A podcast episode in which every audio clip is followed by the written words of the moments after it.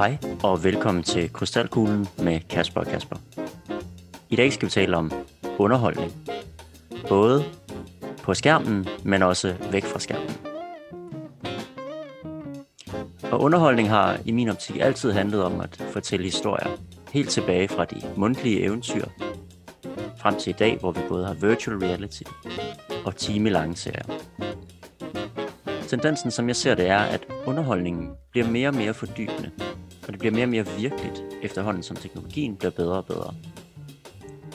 Og gennem den bedre teknologi kan vi fortælle dybere og dybere, mere og mere komplekse, længere og endnu mere fantasifulde eventyr.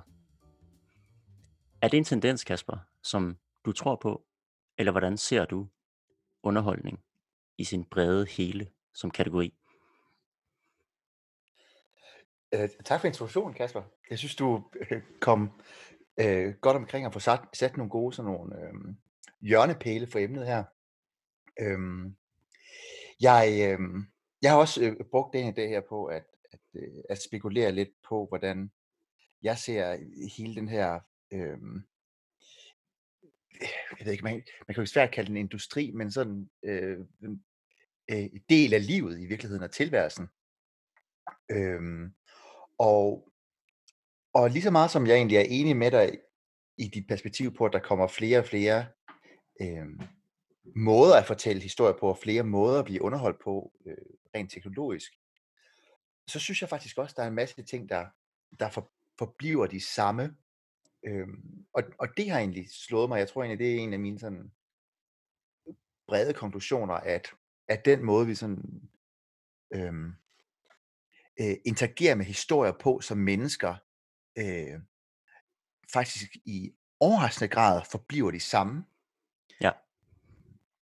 Jeg har siddet og kigget lidt på, øh, også på statistikker, øh, lidt i dag, også bare lige prøve at finde ud af, om mine egne som hypoteser, de er det rigtige. Og, øh, og noget, jeg har fundet ud af, er faktisk, at, at for eksempel de danske teatre, for eksempel, har lige så mange publikummer i dag, som de havde for øh, 50 år siden.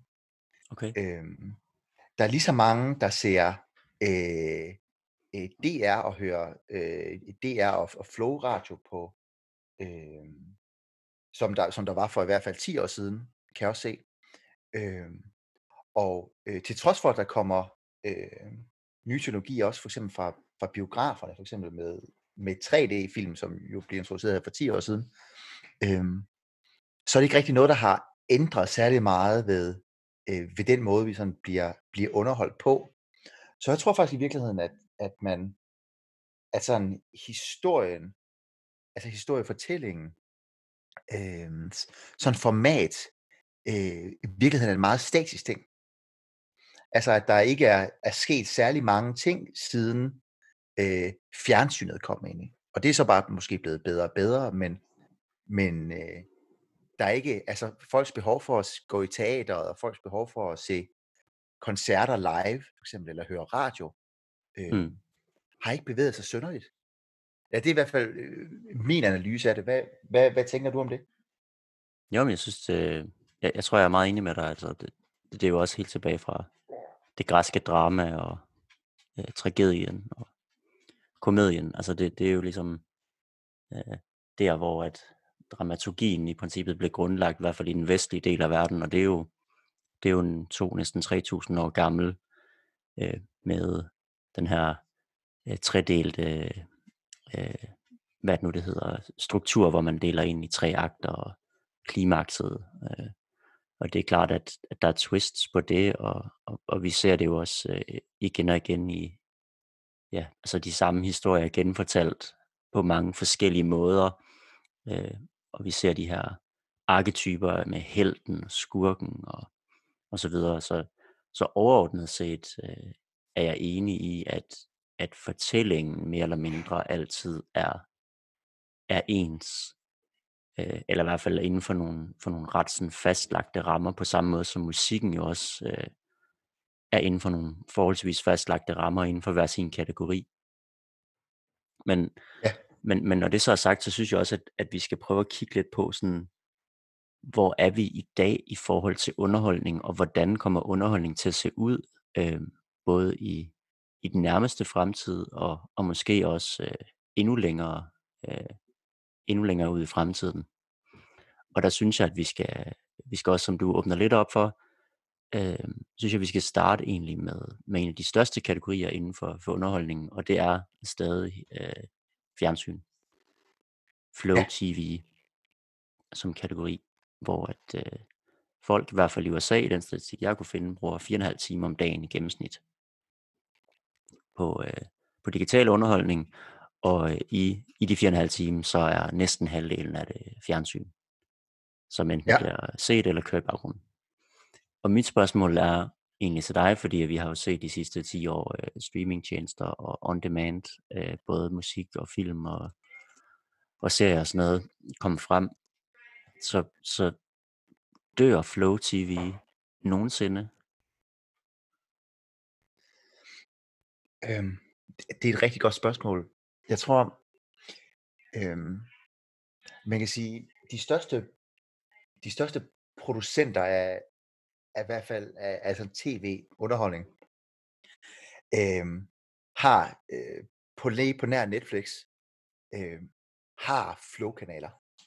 Øh, vi, altså, man kan sige, der, vi har jo de store nationale selskaber, men også nogle som HBO har jo også en, en flow-kanal.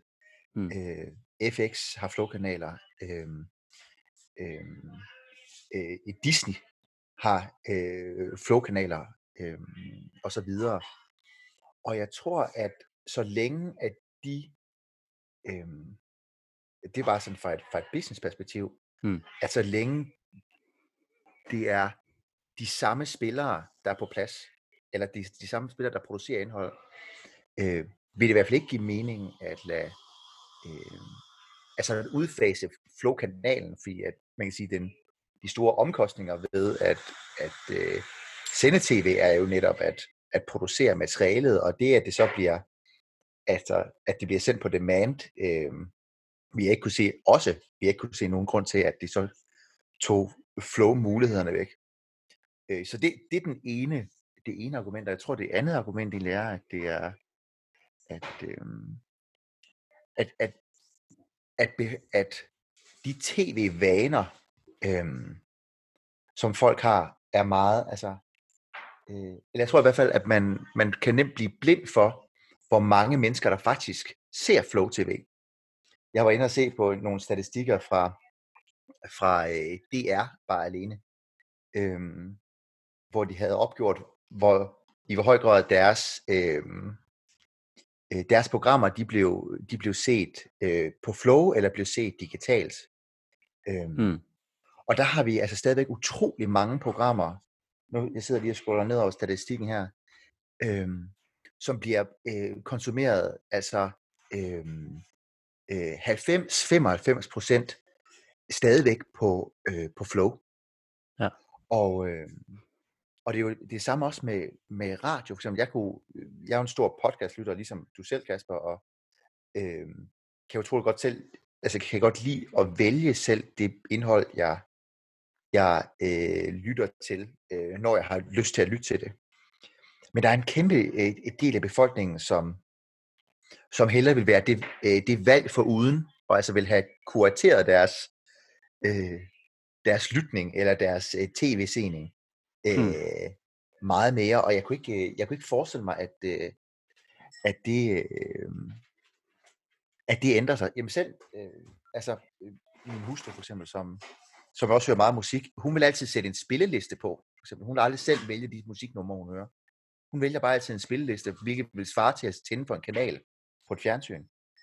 Øh, hvor der Men så det er jo en, ikke, det er jo i, altså en spilleliste, ja. fordi at mit næste spørgsmål lander op til det, du siger.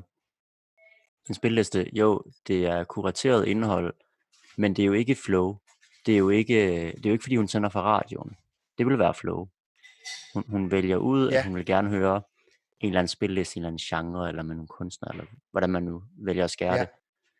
Øhm, fordi, kunne man ikke godt forestille sig, også kvæg det vi snakkede om sidst, med de her kommunikationsplatforme, hvor vi kommunikerer mere og mere, og der bliver mere og mere data på vores enkelte, både kendte og ukendte præferencer.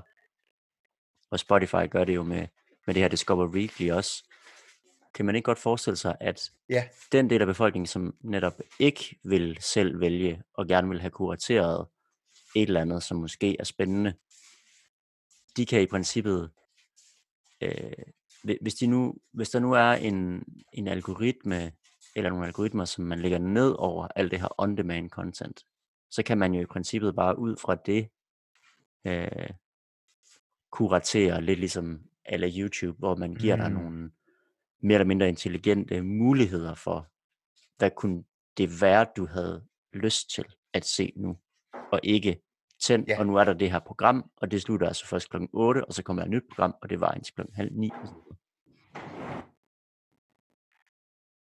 jo, men det har du egentlig ret i. Altså, det, det vil give masser af mening, men jeg tror, altså, at når, når folk de har en, en UC TV-pakke for eksempel, ikke? Så vil der jo være, så er der jo i forvejen kanaler kun for specifikke typer af sport, og nu er der også kanaler for specifikt udelukkende reality TV, for eksempel. Der er for udelukkende for naturprogrammer, der er øh, øh, content udelukkende for øh, øh, haveprogrammer. Og jeg tror, at, øh, at det vil, øh, altså det vil, man kan sige, det vil stille det behov øh, i meget lang tid ud i fremtiden.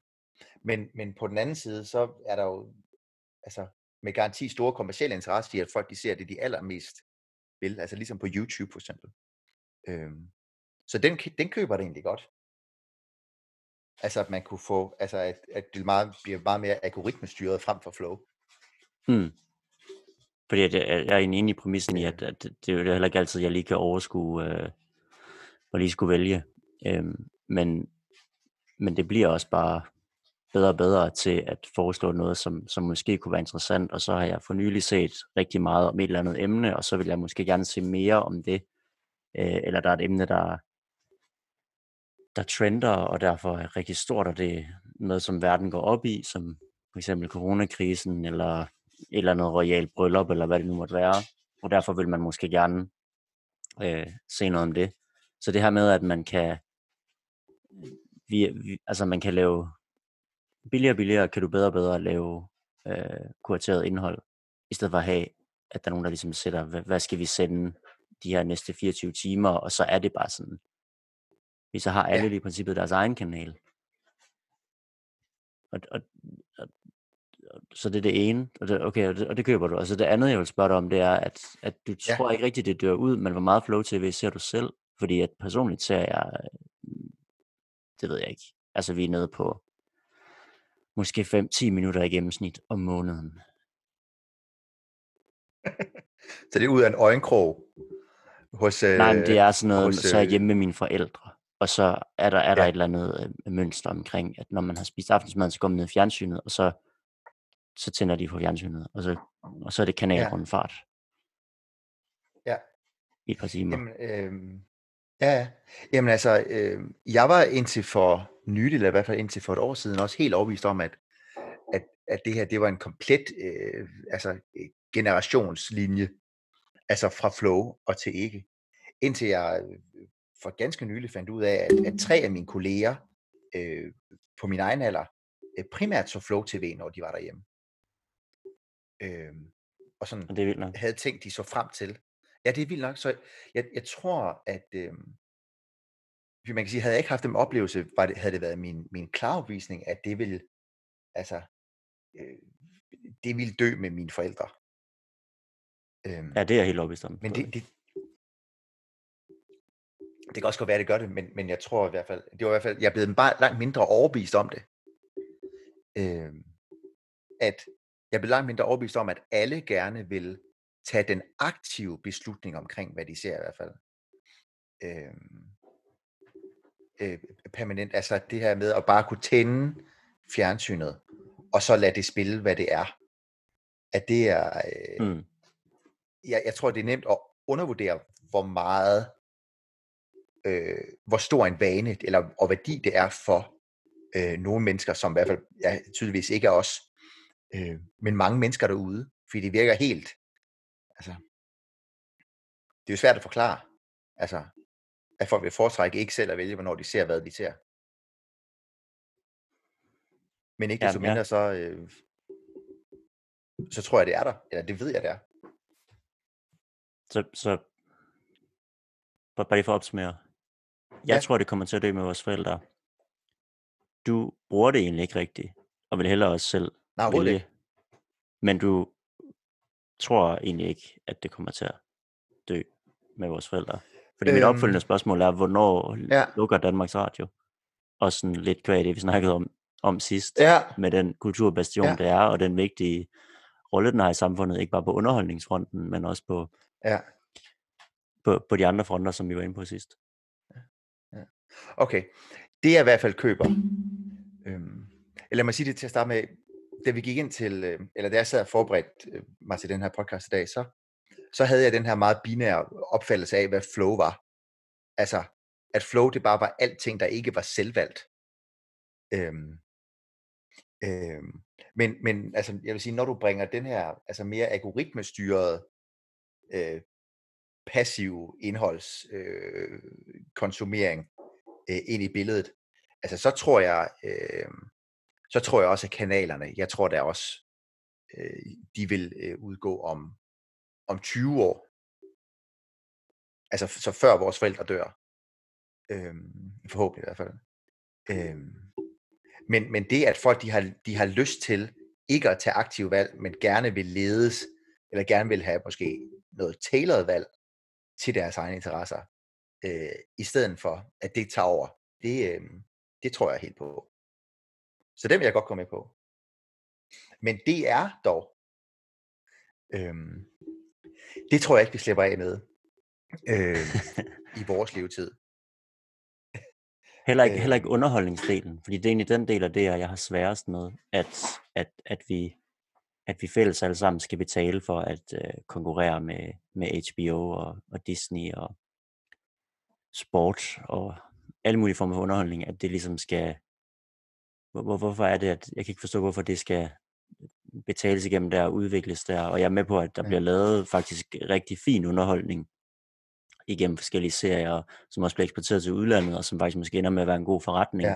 Men jeg synes egentlig ikke, at det er en del af public service øh, segmentet egentlig. Altså det burde, det burde mere koncentrere sig om, om den anden del, øh, som den også gør, som, som vi ligesom har valgt i dag at sige, at med medier og nyheder osv., det, det vil vi heller gemme til en anden gang, så lad os, lad os holde den udenfor. Men, men selv underholdningsdelen, tror du heller ikke, at, at man vælger ligesom at sige, altså man har også set, at uh, symfoniorkestret har været uh, i økonomiske vanskeligheder, og, og har, har været, jeg ved faktisk ikke, lukket det, eller hvad? Ja, Eller klarede de lige præcis skærene? Det har jeg slet ikke fulgt. Jamen, øh, jeg, tror, jeg tror også, det er, det er et år eller to siden. Men, men Nå, undskyld, det er, det er symfoniorkester. ja, Jeg tror i hvert fald, at er symfoniorkestret og radiosymfoniorkestret, eller radioorkestret bliver slået sammen. okay. Fordi der var Ja, to man- man, DR-orkestre. Ja, man ser ligesom en konsolidering, og det lakker mod enden, kan man, Ja. altså langsomt, men, men altså, tror du, Ja. tror du hele underholdningsdelen af det er også ligesom går den vej? Og nu snakker vi bare Altså, film og det- serier, og ikke, ikke de her øh, lørdag aften. Nu skal vi quizze alle sammen sammen, fordi det er nok det, der dør sidst. Det tror altså jeg i, også. i øh, Ja. Nu sidder jeg her på, og kigger på statistikken igen, Kasper, og øh, over øh, de øh, seertal, der har været i september 19. Det var bare den seneste, jeg kunne finde. Hvor at øh, øh, de, de, højeste, de højeste seertal hos DR er som følger. Gift ved første blik, 4. Øh, med en million seere i snit. Wow. Kender du typen, som er et quizprogram med 724.000 seere? Alle mod en, som er et øh, hjernedødt øh, quizprogram også, øh, med også 700.000 seere. Tillykke, I, I skal have trillinger. Jagten på det forsvundne eventyr og nakker ed. Øhm, alle sammen med over 600.000 seere i, øh, per afsnit i september. Og øhm, så længe Danmark har et kulturministerie og et budget, øh, vi bruger på kultur, øh, så tror jeg, at underholdningsdelen af DR vil fortsætte. Okay, og hvad så med film Når- og seriedelen? Altså dem, du lavede Broen og Citronen og Flammen og sådan forskellige andre danske film og serier, Ja. som har været mere eller mindre succesfulde. Ja. Jeg tror ikke, jeg tror ikke Flamme og Citronen var DR, men, men, men, men Borgen, ja. Øhm, øhm, jeg, altså jeg tror, der er altså den, sådan den danske øh, sådan selvforståelse af det her med at, sådan, at- at være et dramaproducerende land, tror jeg er så stærk, at øh, den er der, øh, altså vi skal have en voldsomt liberal alliance domineret regering, for at det nogensinde vil blive bagt på bordet. Jeg kan slet ikke se det. Jeg kan slet ikke, slet ikke se det for mig. Vi- Jeg, jeg har haft den her diskussion med mange mennesker, og har været meget anti øh, underholdning på DR øh, i mange år. Men, men øh, jeg tror øh, virkelig, det er et øh, fortal af folk. Altså jeg tror, det næste hænger sammen med kongehuset. Altså, så, så længe vi indvilger i som, som nation at have øh, og, og give penge til kongehuset, så tror jeg også, at der vil øh, være en konsensus i, i befolkningen om, at vi øh, støtter op om, om at DR laver øh, store øh, underholdningsproduktioner. Øh, øh, produktioner. Det er altså en god, uh, skarp forudsigelse at lægge ud med, at, at DR's uh, underholdningsafdeling lukker efter, vi ikke længere er et kongerige. Det er lang tid. Den er god. Ja, ja. Jamen, også, øh, fordi det øh, kongehuset, jeg synes som hvad det vil, men det er jo også en kulturinstitution. Det er jo også på en eller anden måde underholdning. Ikke? Det er jo et eller andet, det er jo, en, det er jo et fiktivt narrativ, som øh, der sådan, der får os til at føle os, at, at vi har noget, får os til at føle, at vi har noget til fælles. Øh, så jeg tror, altså den øh, hos mange danskere arrangerer øh, altså quizzer og øh, den store bagedyst og fællessang, som jo er et fænomen, øh, som også har en million øh, seere i dag, øh, her under coronakrisen. Øh, altså, øh, er lige så højt. Så ja, øh, øh, den vil jeg godt, øh, den vil jeg godt tage et bet med dig på, at, øh, at det kommer vi ikke til at se øh, ændre sig i vores, øh, vores levetid. Det her med kulturproduktion, altså det er ligesom, det er ligesom vi fortsat vil have teatre. Øhm, Mm. Og så ser man bare, fordi det er det næste, jeg gerne vil snakke om, det er ligesom det her med, at Ja. jeg har også kigget lidt på statistik, og um, ifølge Danmarks Statistik, så, um, så bruger vi næsten dobbelt så mange penge på den kategori, der hedder fritidsudstyr, underholdning og rejser. Og man kan desværre ikke bryde det, bryde det mere ned end det. Um, så vi bruger næsten dobbelt så mange penge nu, end vi gjorde for 20 år siden, og det er altså um, inflationsjusteret. Så det er gået fra 18.500 ja. om året til, til 33.000 om året. Um, så det er klart, at, at folk ser mere og mere, lytter til mere og mere, rejser mere og mere, ja. altså bruger flere og flere penge på underholdning. Men Ja.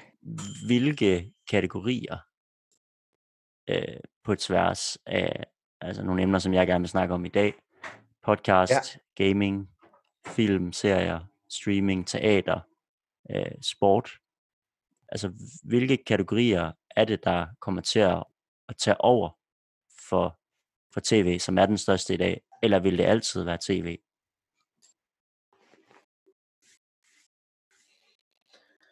Øhm. Altså i forhold til øh, øh, tid, tid anvendt. Øhm, ja, Altså når jeg ser på mig selv, så øhm, er jeg da både, altså, øhm, jeg øh, bruger da tid på fritidsinteresser, jeg bruger da, øhm, bruger da også tid på at læse en gang imellem, og jeg går da også til koncerter, og øhm, ja, jeg er så måske en overlytter af podcast, men, men øhm, det er svært, det er svært på tiden at, at få noget andet til at fylde det samme i snit, som det tager at tage og se øh, en episode bare af en serie øh, om dagen eller hver anden dag.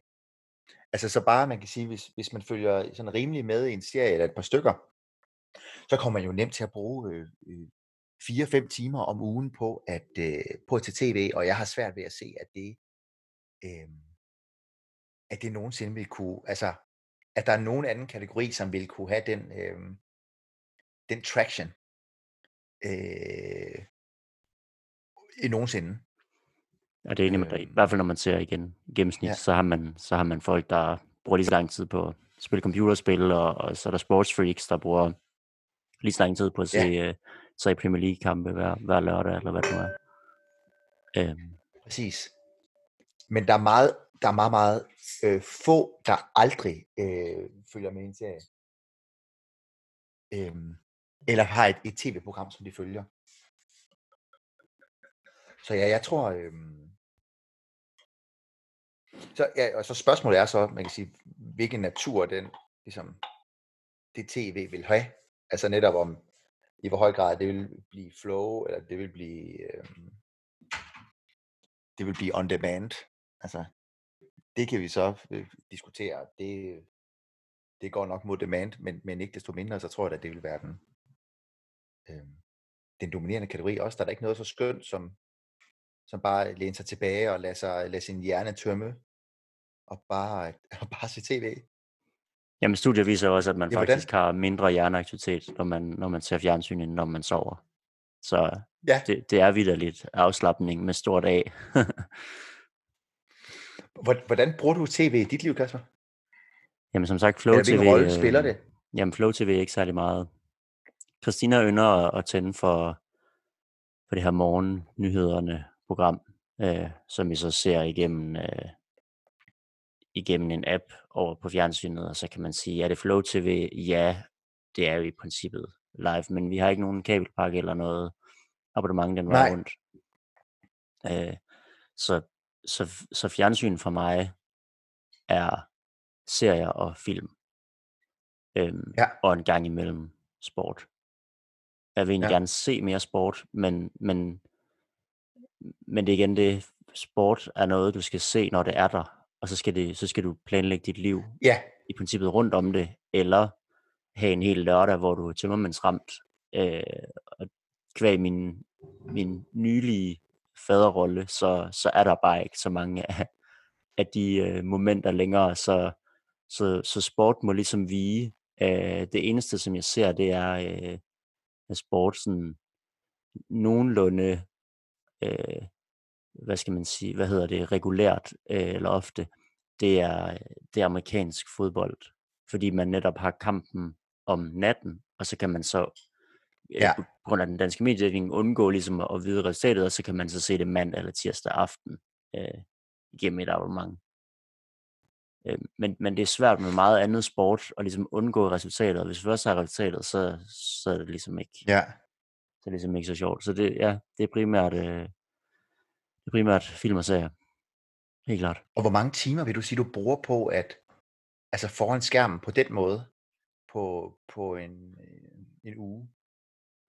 Mm. Jeg tror, det svinger ret meget efter, hvor travlt der lige er på arbejde. Men Ja, øh, jeg synes, vi ser ret ofte faktisk. Øh, ja, og jeg synes også, vi mangler øh, gode serier, ligesom i biblioteket, som, ja, som vi skal se sammen. Altså, man skal, man skal lede lidt ja, for at finde noget, der er, der er seværdigt. Så slag på tasken, hvad, hvad ser vi? En, øh, et sted mellem øh, 1 og, og 4-5 episoder om ugen. Så det er 1, 1 ja, til 5 timer, tror jeg. Og så øh, noget nyhederne, eller øh, noget, et eller andet naturprogram, som vi også skal se med Alma, som sådan kører lidt i baggrunden, mens man laver mad, eller sådan noget. ja, Det er sådan, ja. det er sådan det. Hvordan har du det med det egentlig? Altså sådan, at, at det, det er noget, det lyder jo egentlig ikke specielt meget, men så alligevel, hvis det så er vi- vi- måske 3-4 timer i snit om ugen, i forhold til, hvad man ellers skulle bruge den tid på, re- reflekterer du nogensinde over, sådan om, om det er øh, sådan time well spent i dit liv?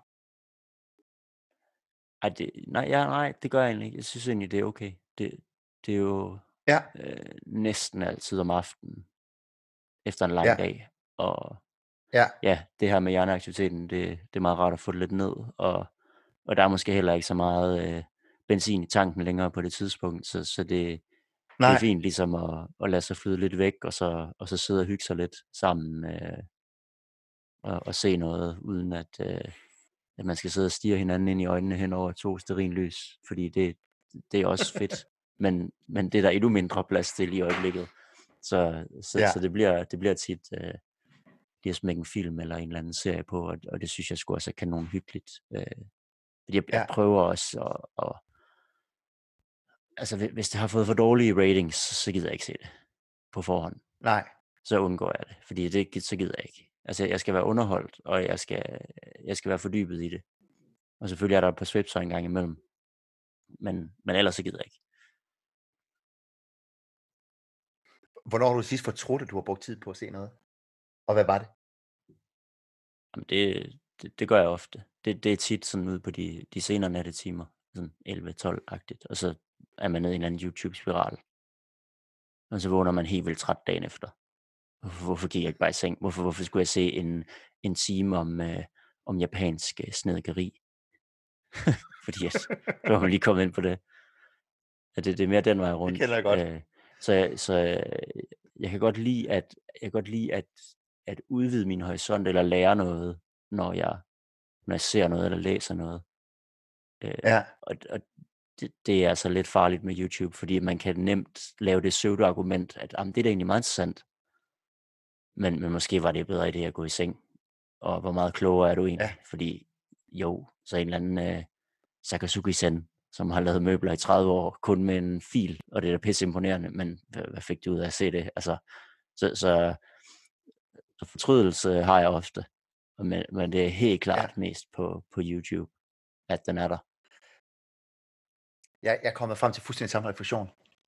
Og jeg rører utroligt tit ned i i sådan et, et rabbit hole, og øh, så for nyligt, det var sådan ovenkøbet en eller anden formiddag, hvor jeg egentlig ikke havde specielt mange timer, men, men alligevel så brugte jeg en time på at se en tutorial omkring, hvordan man bedst byggede en by i et, i et et computerspil, som jeg altså aldrig har spillet, og, og heller ikke øh, heller ikke kommer til, givetvis.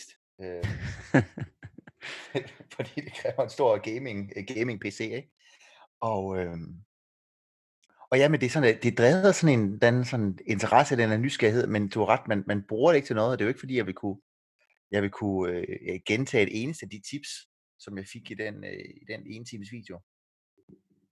Men jeg føler også, jeg mangler det. Altså, jeg mangler lidt, øh, jeg mangler lidt det der kuraterede, sindssygt gode øh, film og serie. Fordi det, det, jeg føler ikke rigtig Netflix, øh, de gør det så godt. Eller også så har jeg bare gennemført Netflix. Øh, og, og Ja. YouTube, øh, det, det er tit, at man havner i netop den der. Øh, ved, så gik der en time med det. Jeg skulle bare være gået i seng, Ja. eller jeg skulle, jeg skulle have lavet noget andet. Det, det er faktisk meget, nu læser jeg heller ikke så vildt mange bøger. Jeg læser måske 5-10 bøger om året eller sådan noget, så det er jo ikke, øh, Ja, det er jo ikke alverden, men, men det er meget sjældnere med bøger, at jeg læser en bog, og så fortrudt, at jeg har læst den. mm, Og det er også ret sjældent, at jeg går i gang med en bog, og så ender med at sige, at den er godt nok dårlig. Det, det hænder da, men, og det gør jeg også med, med film og serier, hvor at, så var det for ringe, så slukker jeg. Men det, det er meget svært Ja. på YouTube, fordi du bare klikke næste. Og det er kun Ja. lige 5 minutter. Så det, det tiden forsvinder præcis. bare. jeg, jeg tror noget, jeg har sådan, jeg, jeg spekulerer en del om i dag, sådan det der med, hvorfor er det, hvorfor er det sådan, at, at netop at, at, øhm, at teaterstykker for eksempel, at det stadigvæk har en berettigelse, hvorfor er det, at øhm, og sådan lange, lange serier stadigvæk har en berettigelse, jeg tror sådan, og bøger for den sags skyld også, jeg tror, der er sådan lidt en relation imellem, hvor meget en indsats, øh, noget det kræver, øh, og så hvor meget man ligesom, man lærer af det, hvor meget det tager, altså hvor meget man kan tage med derfra. Altså fordi man kan sige på en, altså en, en bog på øh, 400 sider, den vil man ofte kunne have, altså øh, kunne blive øh, altså summeret op på, øh, du ved, på en, på en YouTube-film eller på en, en podcast på en halv time. Mm. Øhm, og, øhm, og, og man kan også sige sådan en, en øh, et, et, et enkelt en, en film for eksempel på en, på en time, som man sidder og ser versus et, et teaterstykke, øhm, øh, hvor, så, hvor det ikke koster 600 kroner at, at se filmen, ikke?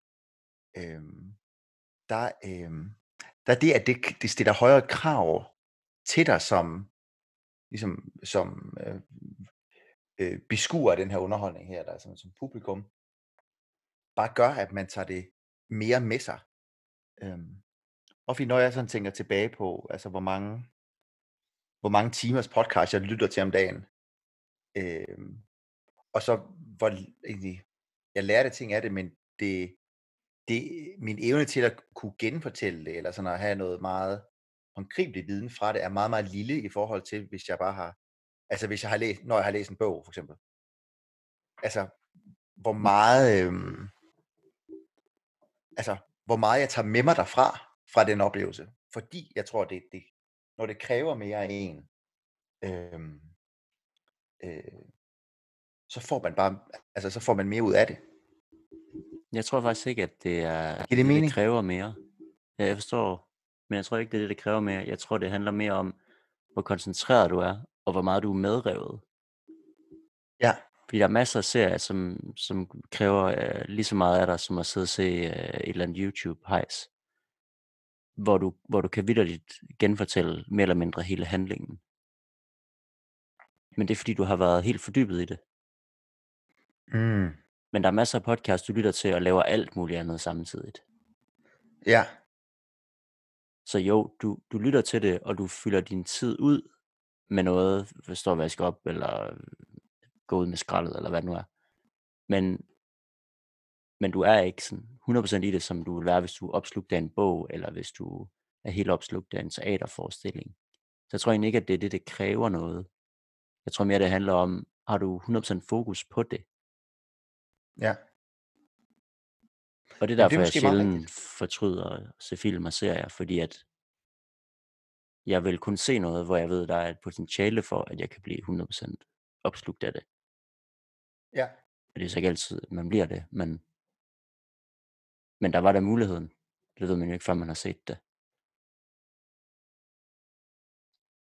Jamen, den kan jeg godt følge, egentlig, at det er... Um...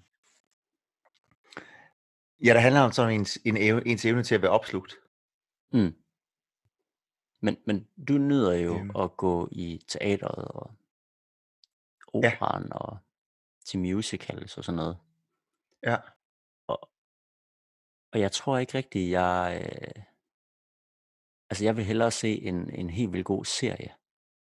Altså, der, jeg bliver mere fordyb, jeg bliver mere revet med af det. Jeg har meget svært at blive revet med af en teaterforestilling, ja. fordi jeg ved ikke, om det kræver mere forestillingsevne, eller, eller hvad, fordi det, det, det, er ikke, det er bare flottere og vildere, og der er bedre lyd øh, i, i en eller anden øh, helt vildt godt produceret serie, eller en helt vildt øh, god film, end, end der kan nogensinde være i teater. Selvom at det er vildt dygtige musikere, mm. og de synger godt, eller hvad det er. Altså jeg har været til, til en eller to musicals, som jeg synes var helt vildt gode, og vi stod og klappede til sidst og sådan noget. Mm, Ja. Men, men jeg har, jeg har svært ved også, ja, som du siger, at retfærdiggøre billetprisen, og hvor meget mere besværligt det er, og det samme med at gå i biografen også, og sådan noget. Ej, det, det er faktisk nogle andre faktorer, den kan vi tage senere. Men, ja, men altså, jeg ser lidt opera og teater og, og de her, øh, skal bare kategorisere dem som, som off-screen underholdning, som ja. øh, lidt, lidt øh, som, som vi havde sidst med, med bålet. Altså ja, du kan varme dig på det, men det er ikke din primære varmekilde. Og ja, det er pisse hyggeligt, og det er mega charmerende, men kun en gang imellem. Så det kommer til at forblive, mm. men ja, det kommer til at blive mindre og mindre som, som kategori, eller som du sagde til at starte med øh, i statistikkerne, det samme, men det er jo så en kategori, der vokser helt vildt meget. Altså Ja. den vokser jo, det kan vi jo se, det har fordoblet de sidste 20 år. Øh, ja. Så det bliver procentuelt mindre og mindre. Altså, jeg tror, altså det, altså teater er noget, man, man skal lære at holde af. Altså, Men er det ikke øhm, bare, man skal lære, at det er dårligere kvalitet? Og så skal man, så skal man øh, forstå det der med, at hvor svært det er at lave teater i forhold til at lave film, fordi det er, er live, og det er kun én gang, og du skal øve dig, og du skal være pissedygtig og sådan noget, og det skal du ligesom forstå på samme niveau, Ja. som at du skal forstå, hvor svært det er at spille golf, før du kan overhovedet holde ud og se golf på fjernsyn. Fordi ellers så forstår du det ikke rigtigt. ja, Og hvis du ikke rigtig køber den præmis, og du egentlig bare gerne vil underholdes, så ved jeg ikke, så, altså, Ja, jamen jeg, jeg føler, jeg tror, man kan sige sådan, de helt, de helt nemme kriterier, tror jeg, eller sådan kvaliteter at forstå i hvert fald, eller for mig i hvert fald er, øhm, et, at jeg bliver, jeg køber mig ligesom til, at jeg bliver øh, tvangsfixeret. Altså, jeg kan ikke, der, jeg kan ikke tage min telefon op. Jeg kan ikke øh, øh, sætte det på pause og gå ud øh, og tage en øh, sodavand ud i køleskabet. Der er øh, ingen, der forstyrrer mig i teaterrummet.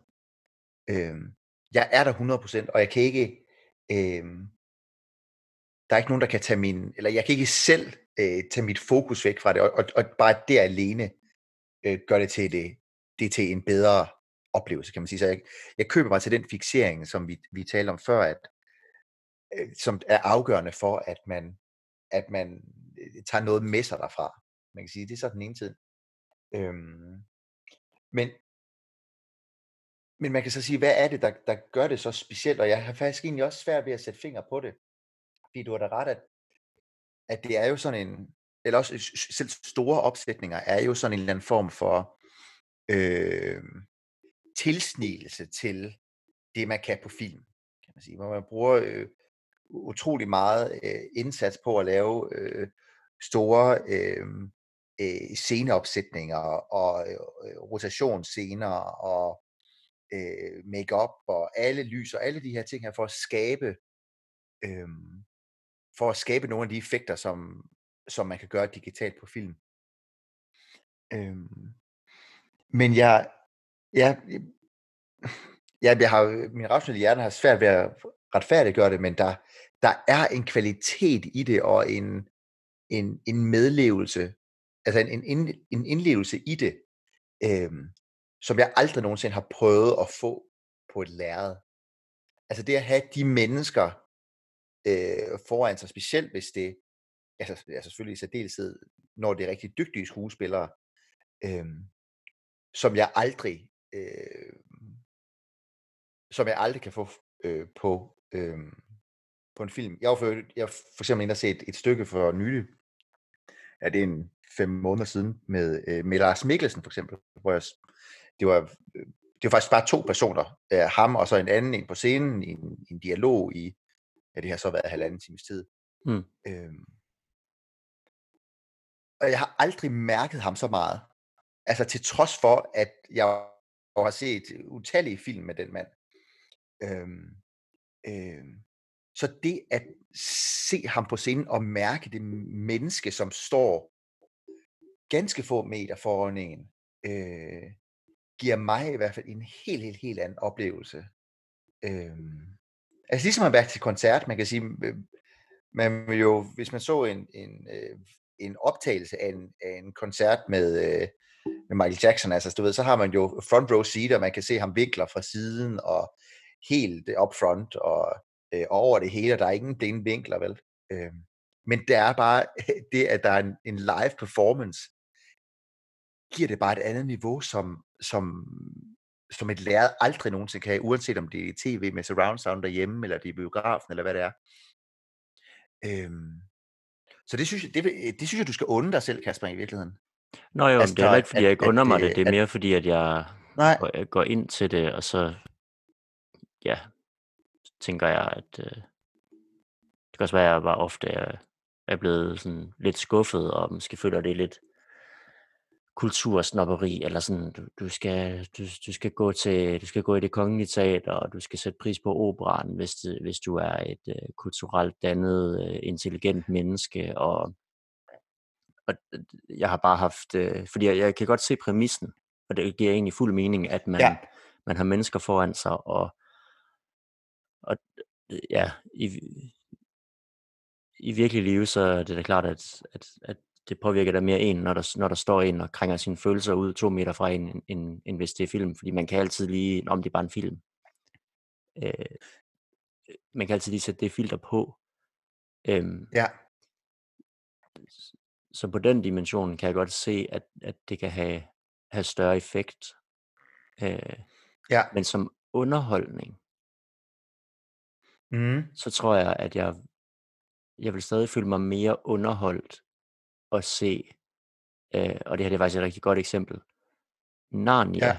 på film, selvom den var lort, end jeg så Narnia i teateret. For det var endnu mere lort. Og det var faktisk en rigtig velrenommeret øh, opsætning, dygtige skuespillere, og, og den var faktisk rigtig velanmeldt, og filmen var rigtig dårlig, men jeg synes stadig, at filmen var, jeg kunne leve mig mere ind i det. Ja. Fordi man kan bare flere ting på et lærred. Og det er måske ja. Også det, at man skal måske, eller jeg skal måske prøve så at gå til nogle forestillinger, hvor, hvor der er langt mere fokus på netop den dimension, du nævner. Og ikke, Præcis. nu skal vi se Hamlet, eller nu skal vi se en eller anden Narnia, eller nu skal vi se altså en eller anden opstilling af en, af en gammel fortælling, hvor, altså nu, nu er det Harry Potter i teateret. Sådan, nej, Ja. det skal jeg ikke bede om. Nej. Jeg der Man vil jeg hellere bare se og- filmen. Og det er jo fra... Ja. ja. Jamen, jeg tror, du har helt ret. Det her med, at, øh, at man skal vælge øh, det format, der, der er bedst til den historie, man skal opleve. Ikke? Øhm, Lidt ligesom det er med der, hvor man sige, hvor. Man skal vælge Ja, ja, det værktøj, præcis. til, der passer til. Ja, ja. Præcis. Og der, øh, der er teateret øh, uforligneligt, når det handler om øh, karakteroplevelser. Altså når du skal opleve en, en karakter, altså menneskelige karakterer, øh, udvikle sig, eller, eller tilstedeværelsen af vilde karakterer, så skal du se det på teateret. Og hvis du skal have noget, som, hvis du vil se noget, som er, er effektdrevet, som øh, Harry Potter og Narnia er, ikke? med, med øh, fantastiske verdener, der udfolder sig, så skal man selvfølgelig se dem, øh, opleve det der, hvor det er bedst, som jo så er øh, ja, biografen eller på, på tv, fordi det vil man aldrig nogensinde kunne, man aldrig kunne skabe den med magi på en scene, som man kan på tv. Mm. Øhm, og, øh, og det bringer mig faktisk også lidt til, til et af de andre punkter, som jeg havde med i dag, det her med sådan, hvorfor, øhm, hvorfor 3D-film aldrig nogensinde blev, altså, blev en ting. Øhm, og, øh, og der tror jeg, at, at, øh, at det også skyldes, at, at filmfortællingen altså ikke skal, øh, ikke skal opleves i, øh, i, et- i et tredimensionelt rum, fordi det er en, det er en fortællerkunst, som er blevet øh, forfinet i, de, i det todimensionelle. Og, øh, og jeg tror, det, det vil så være noget, også, nu kan vi komme lidt ind på VR og sådan noget, som også i virkeligheden er bare en, en teknologi, som var blevet brugt i det forkerte univers, fordi det var noget, der, der egner sig for eksempel meget, meget bedre til, øh, til en computerskærm. Eller til et, et, et spilunivers. Øhm, så mm. det Mm. er også bare sådan, uh, the right technology, sådan uh, in, a, in the wrong format, eller Ja. hvad kan man sige. Ja. Øhm, hvad, hvad er dine tanker, Kasper, om sådan om, omkring os, øh, altså hvis vi lige tager den ind længere tid ind, altså sådan, altså VR for eksempel, altså hvor, hvor ser du det gå hen? Mm. Jeg tror, jeg er stadig et stykke Eller vej, det, det ja, fordi ligesom med, ligesom med 3D-biografen eller derhjemme, øh, hvor man skal have nogle briller på, som, som er irriterende, hvis ikke man er vant til at have briller på. Øh, så der er det der med, at folk fik hovedpine og får, øh, øh, ja, hvad hedder det, bevægelsessyge, køresyge, eller hvad man kalder det. Øh, Ja. Fordi at tingene bevæger sig ud af, ud af synk med dit indre øre. Øh, så og det, det er nogle teknologiske udfordringer, som, som skal løses. Ikke? Altså man skal, man skal på en eller anden måde have, have de briller øh, skrumpet ned til kontaktlinsestørrelse, eller gøre det uden briller, eller få fjernet det her køresyge, som folk får. Øhm, så jeg tror Ja. egentlig bare, at vi har set teknologierne i deres, øh, altså ikke i deres fulde, øh, hvad skal man sige, modenhed endnu, hvor at, ja, at det kan man selvfølgelig også sige med filmen, som startede med at være sort-hvid, superhakkende stummefilm, men der var bare ikke så mange alternativer. Og nej, nu kommer der så øh, 3D-film, eller det kom jo, det, det er jo faktisk kom frem i 50'erne, læste jeg, og havde også en renaissance i 80'erne, og så kom det jo igen med Avatar i begyndelsen af 2000-tallet. Men, når du skal have de her briller på, og, og det ikke er knivskarpt, fordi den måde øjet ser på, det er faktisk, at vi, vi har et fokuspunkt, hvor vi fokuserer og ser skarpt, og alt rundt om det, selvom det ikke føles sådan, er i princippet helt vildt sløret. Så når øjnene ser på et eller andet, hvad enten det var film ja. eller, eller ude i den virkelige verden, så, øh, så, så scanner man i princippet scenen. Det vil sige, at din, dine øjne bevæger sig ubevidst fra punkt til punkt i ja. det, du kigger på. Og så skruer hjernen de forskellige enkelte punkter sammen, og så fylder man resten ud. Det er også derfor, man nogle gange kan føle, ja. at man har set noget, man ikke har set. Fordi hjernen ja. har fyldt et tomrum ud med noget, der ikke var der, eller noget, den troede, der var der. Mm. Eller kvæg det, du har set tidligere, så forventer du, at så er der så det her her, og så har du de her optiske øh, illusioner og sådan noget. Så det der med, at ja. er det noget, man udnyttede i 3D, men det betød så, at der kun var ét fokuspunkt. Så hvis du kiggede væk fra fokuspunktet, så var det hele sløret, og så får du sindssygt ondt i hovedet for øjnene på at fokusere på noget, der er sløret, og det kan det jo ikke. Det er jo, mm. bare, det er jo bare sløret. Så der er sådan nogle teknologiske ting, der skal løses. Og, og grunden til, at jeg nævner alt det med 3D, fordi jeg også bliver spørge om det, men også for at komme ind til, ja. til det med VR og virtual reality, det er, at headsettene bliver bare nødt til at blive mindre. Og fordi du har en skærm vidderligt 2 eller 3 cm fra dine øjne, så skal du ned i en så høj opløsning, der gør, at du ikke, øh, når du tager dem af efter to timer, så kan du vidderligt, altså, så bliver de her øh, pixel, øh, pixelgitteret bliver i princippet brændt ind i dine øjne. Så når du tager det af, så de næste 5-10 minutter, så ser du så pixels, også ude i den virkelige verden. Så skal hjernen lige yeah. fatte, at okay, det er der ikke længere.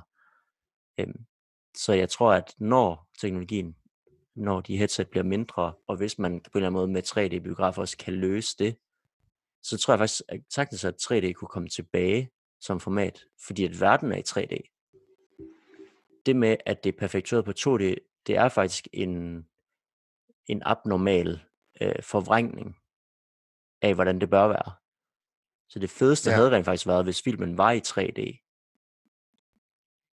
og teknologien så havde været der til, og man ikke får køresyge, og man ikke får ondt i hovedet, og man ikke skal sidde med nogle latterlige papbriller på, som man kan se udenom. Altså sådan alle de her ting. Hvis man løser ja. det teknologisk, så tror jeg sagtens, du kommer tilbage, og det er det samme med VR. Altså det bliver bedre og bedre år efter år, men det er stadig et stykke vej. Så der, hvor det er nu, i min optik, er øh, i små spil og sådan noget, hvor det kan være øh, super, øh, altså man kan blive super fordybet i det. Jeg prøvede, øh, jeg prøvede de her hvad de hedder, øh, øh, jeg kan ikke huske, hvad de hedder, en af de der populære VR-briller. Øh, HTC hvor man bare kunne, Vive? Ja, præcis, HTC Vive, hvor man bare kunne ja. Gå rundt i 3D, og så kunne man så tegne i 3D og gå ind i sin tegning, og så ja. var der musik i ørerne og sådan noget.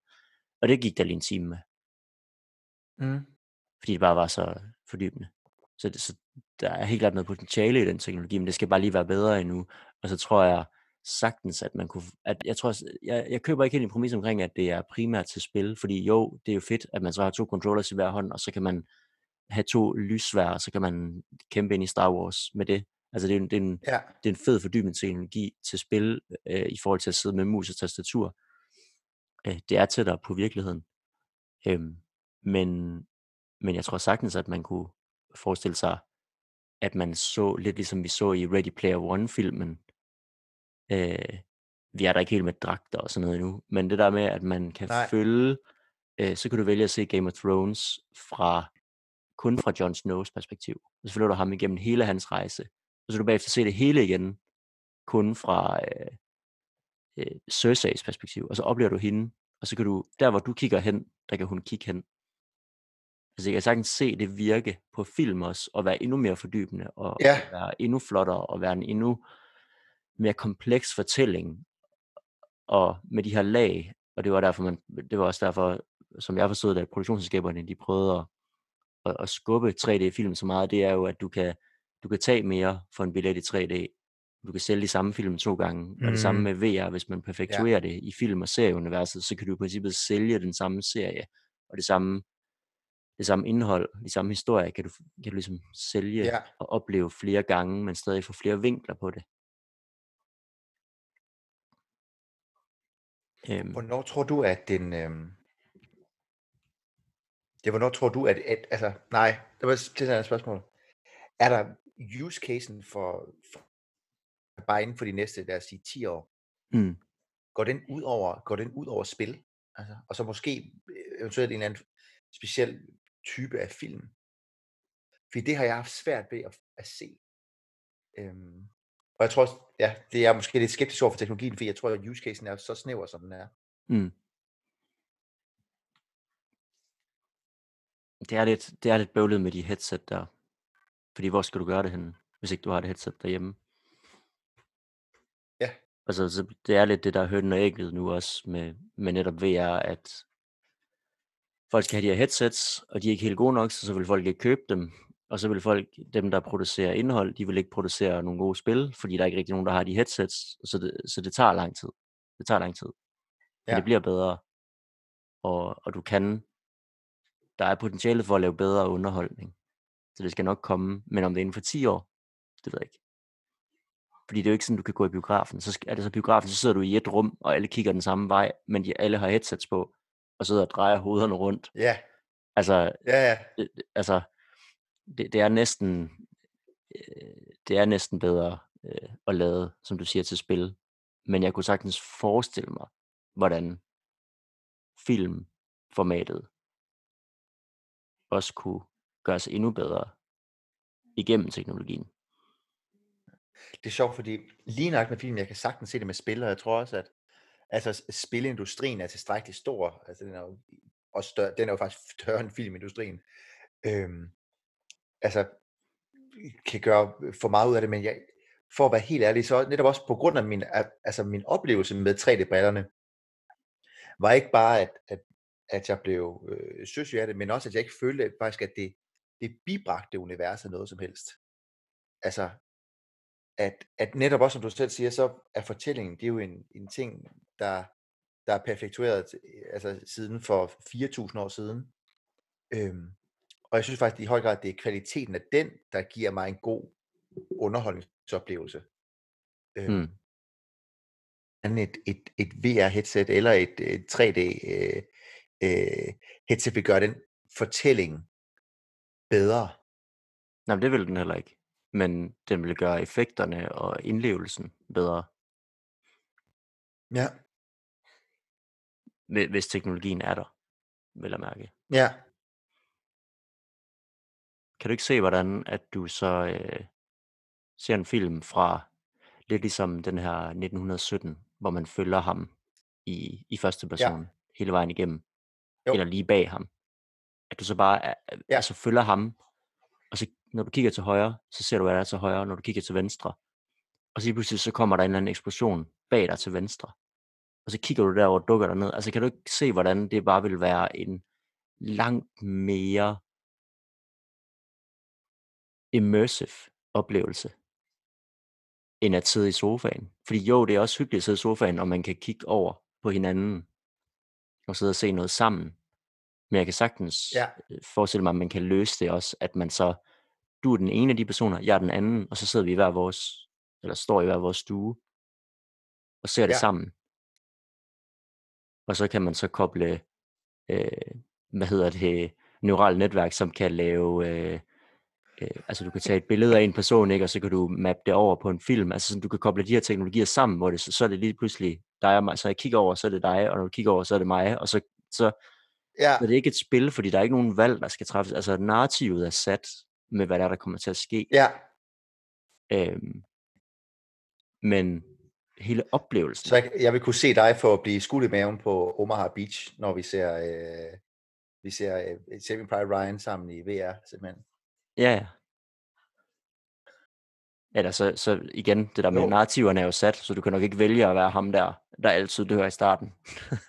men, Nej, nej, Men- okay. men, men i princippet, og så kunne man øh, sidde øh, i, hver sit, i hver sin stue, fem mennesker, og have en, en i princippet ret intim og svedig og fordybende oplevelse sammen, fordi man så øh, så Saving Private Ryan fra fem forskellige perspektiver, men man var ligesom i det samme univers samtidig, og man havde mere eller mindre de samme følelser, og man gennemgik det samme. Jeg kan jo godt se, at det vil være bedre og nu siger jeg bedre, altså mere fordybende, det vil være bedre underholdning, end at sidde sammen i det samme rum og se en film på en 2D-skærm. Det er noget andet. Jeg kan sagtens se det. Men igen, hvad er det filmen kan? Hvad er det øh, de her digitale After Effects kan? Det er Ja, den her vilde universer, det er lydeffekterne, det er altså det, det er det, du gør det for. Det er egentlig ikke fordi, at historien i sig selv skal blive bedre. Så får du måske nogle muligheder for at fortælle nogle lidt andre historier, eller gøre det på en lidt anden måde, på grund af den teknologi. Men narrativet er jo det samme. Ja. Men det er effekterne i det, der gør, at du lever dig endnu mere ind i det. Og så får du måske også det her med, Jamen, jeg at kan du godt købe behøver ikke at, at, at betale 600 kroner for at, at, at sidde ved siden af gamle mennesker og være fri for at tage din telefon op. Så kan du bare se Saving Private Ryan med mig. Så er der fandme action på. Har du set, øhm, det, bringer mig til også altså, igen i, VR-universet, hvad man så kan gøre med computergrafik. Og, Mm. Har du set det nye øh, traileren, eller øh, demonstrationen af den nye Unreal Game Engine 5? Jeg så det faktisk lige her i, i forgårs. Ja. Ja. Øhm, det er øh, eddermame imponerende, og jeg tror sådan, at altså, jeg har længe været kritisk omkring den her, øh, altså sådan idé om, omkring, at vi, der er en chance for, at vi lever i en øh, simulation, ikke? Mm. Øh, men når jeg ser, øh, hvor, hvor hurtigt det er gået, øh, Fra Pac-Man. øh, fra da jeg spillede Hitman for, eller, ja, men bare for, for er det 15 år siden, Mm. til en øh, 100% fotorealistisk øh, verdenssimulation Mm. i, altså, i landestørrelse. Mm. Øhm, det, øh, Ja, og de her det slår godt nok som, benene væk under mig. Altså. de her spil, som, hvor, hvor der heller ikke er nogen, der i princippet har programmeret verdenen. Altså, du kan blive ved med at bare løbe mod nord, og den bliver ved med at bare generere Ja. et nyt univers. Mm. Øhm, inden vi lige helt Det er forlader, meget, øh, jeg det vil meget meget gerne over at snakke gaming, Nå, ja. inden vi lige forlader, så har jeg faktisk lige et spørgsmål i forhold til netop biografer, fordi jeg ved, du ynder at gå i biografen. Ja. For mig er det lidt et døende koncept. Er det det? Ifølge dig? Øhm, jeg tror, det er helt... Altså, jeg, jeg kunne kun forestille mig, at det var et, et døende koncept, og jeg tror da også, at jeg tror overhovedet ikke, det er der om 20 år. Øhm, og, og grunden til, at jeg ikke, altså grunden til, at jeg er så relativt sikker på det, netop er, at, at det er i modsætning til teateroplevelsen, som jeg beskrev før omkring den her, altså hånd, håndgribelige øh, kon, altså, relation, der er mellem dig og, og den skuespiller, som står på scenen, så er øh, biografoplevelsen jo altså alene en, en opskaleret øh, øh, altså hjemmeoplevelse med øh, bedre lyd end de fleste har, men ikke bedre lyd end alle har i deres stuer, med, og en, en større skærm. Og så grunden til, at den har holdt sig i live, er jo netop, at man har, at den måde film er blevet distribueret på, den måde, som film er blevet tjent ind på, har jo Mm. netop været, at altså netop har baseret sig på, på altså billetter, altså billetsalg i biografen primært. Mm. Og øh, selvom det stadigvæk øh, er det, der tjener langt de fleste af, af pengene fra film, så kunne jeg ikke, ikke forestille mig, at man ikke ville kunne øh, emulere den øh, businessmodel øh, i et streamingformat. Altså folk, de forventer at få øh, film hele tiden. Øh, og, og jeg ved også, folk, de går mindre og mindre biografen. Altså så, så jeg kan slet ikke, jeg kan slet ikke se behovet for den fortsatte sådan mellemregning, som, som øh, biograferne er i økonomien omkring øh, film. Nej, det er stadig en, en ret altså, stor at man- industri, men ja, tendensen er nok... Ja, men det er en kæmpe stor industri. Øhm, men, men, men de der produktioner, de går jo, de går imod øhm, streaming, og jeg kan ikke se, altså, øh, ja, da specielt hvis, hvis øh, de st- største oplevelser af fremtiden, de vil være i et VR-headset, eller i et, øh, hvad det nu end være, øhm, så kan jeg ikke se øhm, øh, den berettigelse, og i takt med også, at tv, at tv bliver billigere og billigere, og højtalere, og altså det er jo, du kan få et 70 dommers tv for 4.000 kroner i dag. øh, med fuld HD, ikke? Øh, og det, øh, altså der, det vil simpelthen ikke kunne betale sig at have de huslejer, som det jo kræver, og som det vil blive ved med at kræve, for at, at have en mindre mindre ekstra margin på øh, oplevelsen der, altså derude frem for hjemme. Men, Så det vil jeg godt, øh, altså, det vil jeg godt sætte penge på. men kommer det til at dø før den forretningscase og industrien ændrer sig? Fordi for mig er det dødt. Altså jeg gider ikke at sidde ved siden af nogen, der lugter af sved og kaster popcorn, og jeg, jeg, jeg har svært ved, igen, Nej. jeg har svært ved fordybelsen, når jeg sidder i et rum med en hel masse andre. Altså jeg, jeg, kan, jeg kan se niche-casen, at man skal gå på date, og så er det federe at gå Mhm. i biografen, end det er at, at gå hjem til nogen på anden date. Jeg kommer an på, hvad Men man er udover det, ja, det er Ja. rigtigt. Jamen, jeg, jeg følger dig. Øhm, jeg tror også, at, øhm, at det her det er også et, et eksempler på, at, at, øhm, at, øh, at, sådan, at den brede befolkning er meget, altså oftest er meget anderledes end en selv som individ. Altså, har, har du egentlig kigget på tal for, øhm, for, sådan, for biografbilletter solgt i Danmark egentlig? For nyligt? Nej, Nej, nej okay, men, men, men ikke desto mindre så, øhm, så når man øhm, altså ser på, på bare de biografer, som for eksempel bliver bygget, hvordan øh, Fields i København bygger en kæmpe ny biograf, og kom, bliver bygget en ny biograf i, i Hellerup, og øh, som alle sammen går pissegodt, øhm, så tror jeg i hvert fald i, i et post, eller sådan et, et præ-total øh, on-demand-univers, øh, øhm, så, så er der i hvert fald stadigvæk øh, mange, der har den, øh, altså, den lyst til at komme ud. Øh, og, og have den der oplevelse der, fordi, som, som jeg tror, fordi at deres hjemmeoplevelse er, er stadigvæk er så mange kan ringere, men så ikke, i hvert fald efter hvad jeg tror, bliver ved med at være det. Okay, Jeg tror, sidste er spørgsmål derhjemme. omkring det, Altså, bare, f- bare lige for, for at ja. forstå det sådan helt. Hvis vi nu antager, at øh, på samme tid som øh, film bliver lanceret i biografen, den nye Star Wars, Ja. på samme tid kan du også Mhm. streame den derhjemmefra. Ja, Med hvor mange procent vil, altså hvad er forskellen i procent fra øh, scenarie 1, det er det som det er i dag, at du, kan, du er nødt til at se det i biografen, hvis du skal se det øh, til at starte med. Og så scenarie Ja. 2, som det jeg, jeg ridser op.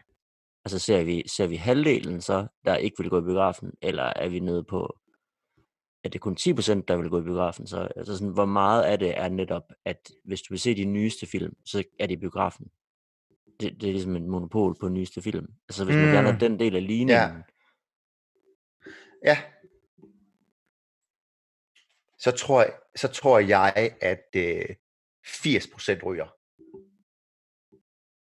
okay, så tror jeg også, at det ryger faktisk mm, tidligere, end vi regner med. Netop også fordi vi så produktionsselskaberne lancere nye film direkte på streamingtjenesten nu her under coronakrisen.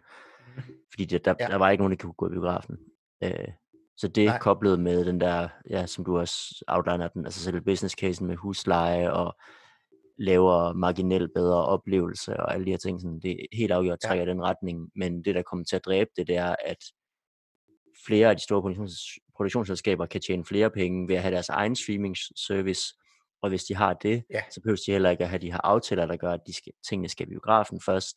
Og Netflix har for eksempel været Nej. kritiseret for, at nogle af de film, øh, for eksempel den her Roma, som de vandt øh, en masse priser for, den gik jo meget, meget Ja, kort tid i biografen, inden den kom på Netflix. Fordi det er jo der, de har størst interesse i at bringe deres øh, indhold. Ja, der var mange biografer, der stadig sendte den. Der stadigvæk havde den på plakaten. Ja, præcis. Ja. Så du tror, du tror kort, hvad, så hvad, altså, hvornår bliver de danske biografer sådan, hvornår vi begynder at se sådan store konkurser på øh, Cinemax og Nordisk Films biografer i Danmark, tror du? Mm. Ej, vi er, nok, vi er nok 10 år ude. Men vi har jo set allerede en af de igen, store biografkæder i USA gå konkurs nu her under coronakrisen. Når er den det? Hvad var det for det, en? Det er øh, AMC. AMC er gået konkurs. Mm. Nå, for helvede. Så det vidner om en industri, ja. der, der allerede er presset. Ja. Øh, og jeg tror da heller ikke, at det er Ja, et mediemarked, som, øh, som eksploderer. Så jeg tror, så snart, nu ser vi også de her, og det skal faktisk det en god segue over til øh, et af mine Ja. andre spørgsmål, inden vi går øh, over i det mere interaktive. Og det, det er det her med streamingtjenester. Mm. Øhm, fordi da Netflix kom som en af de første, så var det jo så Ja. var det jo skønt, at man så kunne opsige sin store kabelpakke til 500 eller 600 kroner om måneden med 40 Ja. intetsigende kanaler og fem gode. Øh, og så kunne man så i stedet for betale 100 kroner om måneden for Netflix. Og nu er vi så Mhm. ude i, at hvor mange er der? Øh, Du nævnte nogle af dem før. Er der en syv eller otte af de store? Øh, Netflix, Amazon Prime, HBO, Disney, øh, Hulu. Hulu. Øh, der er en, vi glemmer. Øhm, Det der FX, du også nævnt. Ja, men jeg tror ikke, de har deres egen... Åh, det kan godt være, de har en marginal streaming. Øhm, Der er en 5-6 stykker i hvert fald. Og ja. der kommer sikkert ja. flere. Mm. Øh, så, så hvis man nu skal have alle de fem, så er du Ja. tilbage på de 600 om måneden. Så, hvordan kommer det Ja, til at ligesom en, udvikle øh, sig? Altså kommer Ja. vi til at se en konsolidering, hvor at man lidt ligesom man måske har set det med lydbøger, som lydbøger, om nogen har prøvet at gøre det inden for magasiner også, hvor man betaler et eller andet abonnement, Ja. så kan du se det hele. Sådan, fordi det var lidt det, der var præmissen, da Netflix kom. Ikke? Det var netop, du betaler et sted, og så Jo. kan du se det hele. Og nu bliver det så delt op, fordi alle vil have en, have en bid af den kage der. Men. Kommer det til at fortsætte at være opdelt, og så abonnerer man lidt der, hvor man synes, det er bedst, det der passer en bedst, eller abonnerer alle på alt, eller bliver det konsolideret op, så man stadig har en eller to at vælge imellem, Ja. og så kan du se alt der. Jeg tror, det bliver... Øhm, ja. Jeg tror, det bliver konsolideret. Mm. Øhm, og jeg tror, at... Øh, fordi der er ikke... Jeg tror, der er meget få husholdninger. Der er øh, mange, der vil. Altså, jeg tror, at der er mange danske husholdninger, eller mange venner, jeg, jeg har også mig selv, som i hvert fald som minimum både har øh, HBO og Netflix. Og, Plus Spotify. Øhm, ja, og Spotify også, ja. Ikke? Øhm, Men I har også ej, jeg Amazon tror, Prime, ikke? Øh, jo, så er vi også Amazon Prime. Øh, jo. øhm, Det er og 400 så låner vi et Disney, et, et Disney Plus uh, login fra Tiffany's søster, ikke? Fra søster. Og, øhm, Har Apple ikke også noget? men, men, Jo, det er dem her, vi, vi mangler. De er også kommet med noget movies, halløjsa. Nå, er det det? Ja. Åh, ja. Nå, jamen, men ikke desto mindre. øh, Dem mangler I. okay, jeg Og Hulu. ja, Så er I fuld altså, plade. det, og det kan ikke blive, øhm, og det tror jeg øh, overhovedet ikke kan blive ved, også fordi, at der er jo rigtig mange husholdninger, som, øh, øh, som nu øh, sådan, øh, krejler sig lidt til det, ikke? Altså som, som netop føler for, at de har mulighed for at se de ting, de gerne vil have, så er de nødt til at have flere abonnementer, eller i hvert fald logins, og så deler man logins med hinanden og sådan noget, og så en betaler for det ene, og en betaler for det andet og sådan noget. Og, og øh, eftersom også, at, at Netflix de stadigvæk tæpper penge, øhm, så skal de jo nok gøre en indsats for, at det kun bliver øh, sværere at, at snyde sig til det. Det giver jo mening.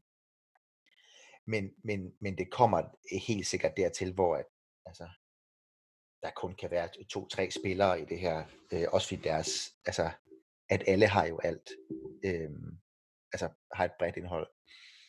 Øh, og der tror jeg, at det øh, faktisk bliver Disney, der vinder det game der. Mm. Og det tror jeg, fordi at, øh, at de er de eneste, altså de er de eneste, som, øh, som har sporten med.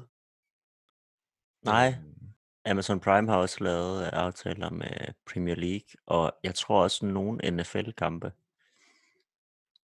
okay, Men det er en nu, afgjort jeg så en vigtig bare, ting. at, Det er afgjort en vigtig ting. ja,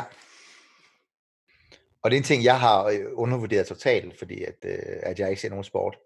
Øh, men da jeg så, hvilke konsekvenser det havde for, øh, for UC, at, øh, at smide Discovery ud af, ud af deres pakker, Mm. på deres kunder, ikke? Mm. som primært var drevet af sport, så slog det mig virkelig, hvor vigtigt den der det var. Og hvis, Mm. øhm, hvis det er muligt for en husholdning at have adgang til øh, ESPN, øh, som det er, hvis man har en Disney Plus pakke, Mm. øhm, som er, øh, er noget, som, øh, som Netflix ikke har, så, øhm, Jamen så også kan jeg, igen, jeg kan slet ikke se, at det kan gå nogen anden vej. Kæmpe rød tråd til det, vi snakkede om sidst, med, med at vi bliver mere og mere globale i vores, øh, Ja, i vores kommunikation og, og mediekonsumtion. Altså, så jeg er da pisselig glad, om jeg ser en Premier League-kamp med, med danske eller engelske kommentatorer. Jeg vil faktisk hellere se det med engelske. mm. Så det er faktisk en fordel, Ja, hvis jeg kan se det på ESPN eller Prime, i stedet for at se det på Kanal 6, eller hvad, hvad det nu hedder i dag. Ja men du, du er en verdensborger, Kasper. Nej, det ved jeg ikke. Så Hvilket man også, er årsagen, hvilket også er grunden til, at du vil stoppe med at tale dansk på et eller andet tidspunkt. jeg tror bare, jeg er rimelig gennemsnitlig. Ja, ja, okay. Men, øhm, men ja, altså, så jeg kan slet ikke se, at, øh, at de skal tage det der over. Nej. Altså, hvis man har en distributionsmodel og en, øhm, et abonnement ude af alle husene, og for øvrigt er et af verdens øh, største medieselskaber, hvis de ikke er det største medieselskab i hele verden, øhm, så kan jeg ikke se andet, end at Netflix har åbnet døren til det der. Mm. Og så øh, øh, kommer Disney med med øh, en øh, kæmpe legacy-platform, Mm. og alle koncepterne øh, øvrigt også med de største jo, biografsucceser i hele verden med Ja. Marvel. Øh, Ja, og de har Pixar, også de har begyndte på et tidspunkt at Lucas lave- Film, Lucas Arts, eller hvad det hedder. Præcis. Ja, de har De så har sindssygt meget. Geographic. Og de har, Og de sindssygt ESPN, godt ikke? fat i børnefamilierne, og det skal man så heller ikke underkende. Fordi hvis far kan se Nej. sport, og børnene kan se, hvad det nu er på Disney, så er det, man vælger. Præcis. Så er det nemlig dem, man vælger, og man bliver ikke ved med at have, have, øh, altså, have råd til dem alle sammen. Det tror jeg virkelig ikke, der er mange, det tror jeg virkelig, for mange familier, der ikke vil have. Og hvis den her øh, kategori udvikler sig på samme måde, som man har set øh, IT-industrien, altså øh, nu, skal det, Ja. nu skal der igen ikke gå millionærklubben i den, men det her med, hvor stor en procentdel af Amazons profit, som faktisk bliver, øh, bliver tjent, også Microsoft og Googles profit, der bliver tjent på services, altså det her med, at de sælger øh, øh, IT-infrastruktur og cloud-løsninger osv. Så hvis man ser den samme udvikling inden for, for mediebranchen, som har været, altså når den bliver digitaliseret, så bliver det også dem med, det, altså det bliver den største, som kommer til at tråle hele det der og vinde det, fordi de kan, Ja. de kan så tjene flest penge i den nye, i det nye markedsprincip, hvor det handler om, at så længe du har det bedste content, og det har de, fordi de har det største, så de opkøber Ja. ting, øh, så kan du distribuere det gratis til hele verden. Ja. Og så bliver Ja. det, det bliver det, der vinder, fordi du kan favne bredest, og du kan ramme børn og dem, der vil have sport. Og du kan også have, når du skal se en film lørdag aften, det, altså, de, kommer ikke til at køre øh, Star Wars nogen andre steder end på Disney+. Plus. Nej, nej, nej. Der har, øh, der har, hvad hedder det, Netflix jo bare haft sådan en, øh, en hvad hedder det, en, en lille løbetid på den, ikke? Jo. Og har haft lov til at gøre det der. Og vi kan lige teste herovre Også, med de her Netflix, som det virker. De her, de, de her 140 millioner brugere, Ja, de har, præcis. det, det er lige sådan en lille testing ground for Disney. Ja. Jamen, så skal vi ud og have Disney-aktier. Øh, jeg har købt faktisk. Ja. Det er ikke gået særlig godt. Nej, men det er jeg glad for. Så kan Jeg jeg, nå at komme jeg med havde- på den. Jeg, jeg havde klart undervurderet, hvor stor en del af deres øh, omsætning, den kom fra, øh, fra, hvad hedder det, fra Parks. Ja. Men nu er der, nu er der jo så, nu er der jo forhåbentlig ved at være en ende ved det. Coronakrise. ja, forhåbentlig. øh, forhåbentlig. eller det begynder i hvert fald at gå Men bedre. ja, du kan købe med 40% rabat. Men Det skal jeg have. Øhm, og hvis, hvis man tror på, at de, bliver, at de kommer til at vinde det marked der, så, øhm, Men det er jo igen, det er en Altså, 10 års så er der ingen anden vej. hyreshorisont. Det er 10 års horisont. Inden de vinder det der. Men det er også fint. Ja, hvor var Netflix for 10 år siden? Jeg tror lige, de var begyndt at streame. Det var de, ej, det var de måske ikke engang. Jeg tror stadig, de, er de lejede. DVD'er ud. Ja, 10 år, så det er så lang tid. Ja. Det var da vi startede på CBS, ikke? Jo. Hvor stor en procentdel kommer fra, fra parker og det? Eller det har du ikke, det tal. Øh, nej, det har jeg ikke. Nej. Det har jeg ikke. Men jeg troede, det var, jeg troede, det var minimalt. Det Ej, viser det- overhovedet ikke at være minimalt.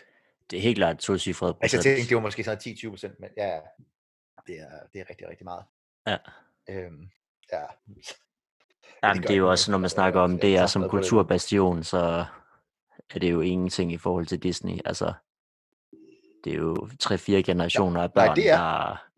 Det er jo tre-fire generationer af børn, der... Globalt, ikke? Jo. Og igen, Apropos så må også sport. det med at Nå, eje undskyld, en du kategori, ikke? Ja. Jo, ja. Nej, nej, det er bare det med, at de ejer en kategori. Altså Netflix ejer ikke en skid en kategori for noget som helst. De ejer ikke sport, de ejer ikke dokumentarer, de ejer ikke serier. Altså, man kan jo ikke, du kan jo ikke have børn. Altså også prøv bare at tænke på franchise-universet. Mm. Der er jo ikke noget Lego, der bliver produceret nærmest uden for et, et, et, et, et Disney-univers i dag. Mm. Selv Star Wars. Mm. Altså alting. Så hvis, hvis, hvis børnene de gerne vil se de film og de serier, som hører til det legetøj, som de leger med, og som er alle steder, Mm. øh, så kan man jo ikke komme udenom Disney. Og igen, Mm. som du også siger, hvis, hvis far han gerne vil til sport, hvis, hvis det kræver, at han har Disney, altså, så er der jo ikke noget valg jo. Altså, der er ikke nogen kategori, du går glip af ved at købe Netflix, eller ved ikke at have Netflix. Nej. Der er nogle enkelte serier, sådan noget, men der er ikke en kategori, du misser. Mm. Og det bliver der bare på Disney. Mm. Så ja, det var øh, slutkommentaren på den. Køb, Kæmpe køb. købsignal. Ja, Strong buy.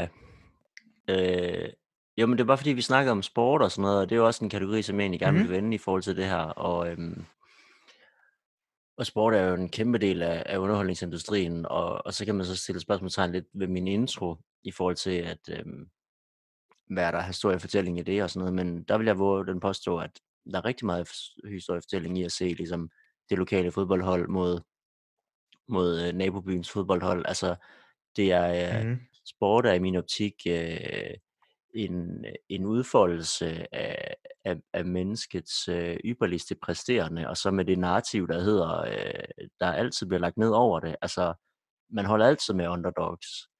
Man, øh, man kan godt lide at se nogen, der er dominerende, men kun op til et punkt. Og så Ja. handler det om at få vippet, øh, få vippet kongen af tronen og øh, revolutionen og få nogle nye, unge, øh, talentfulde ind, som så bliver det nye, og overraskelsesmomentet, øh, man ved ikke, hvad der kommer til at ske, alle de her ting. Øh, så jeg finder sport enormt underholdende, øh, og ærger mig over, at jeg ikke øh, kan se mere, altså jeg ikke har tid til mere, men et eller andet sted må Ja. man jo, må man jo skære væk.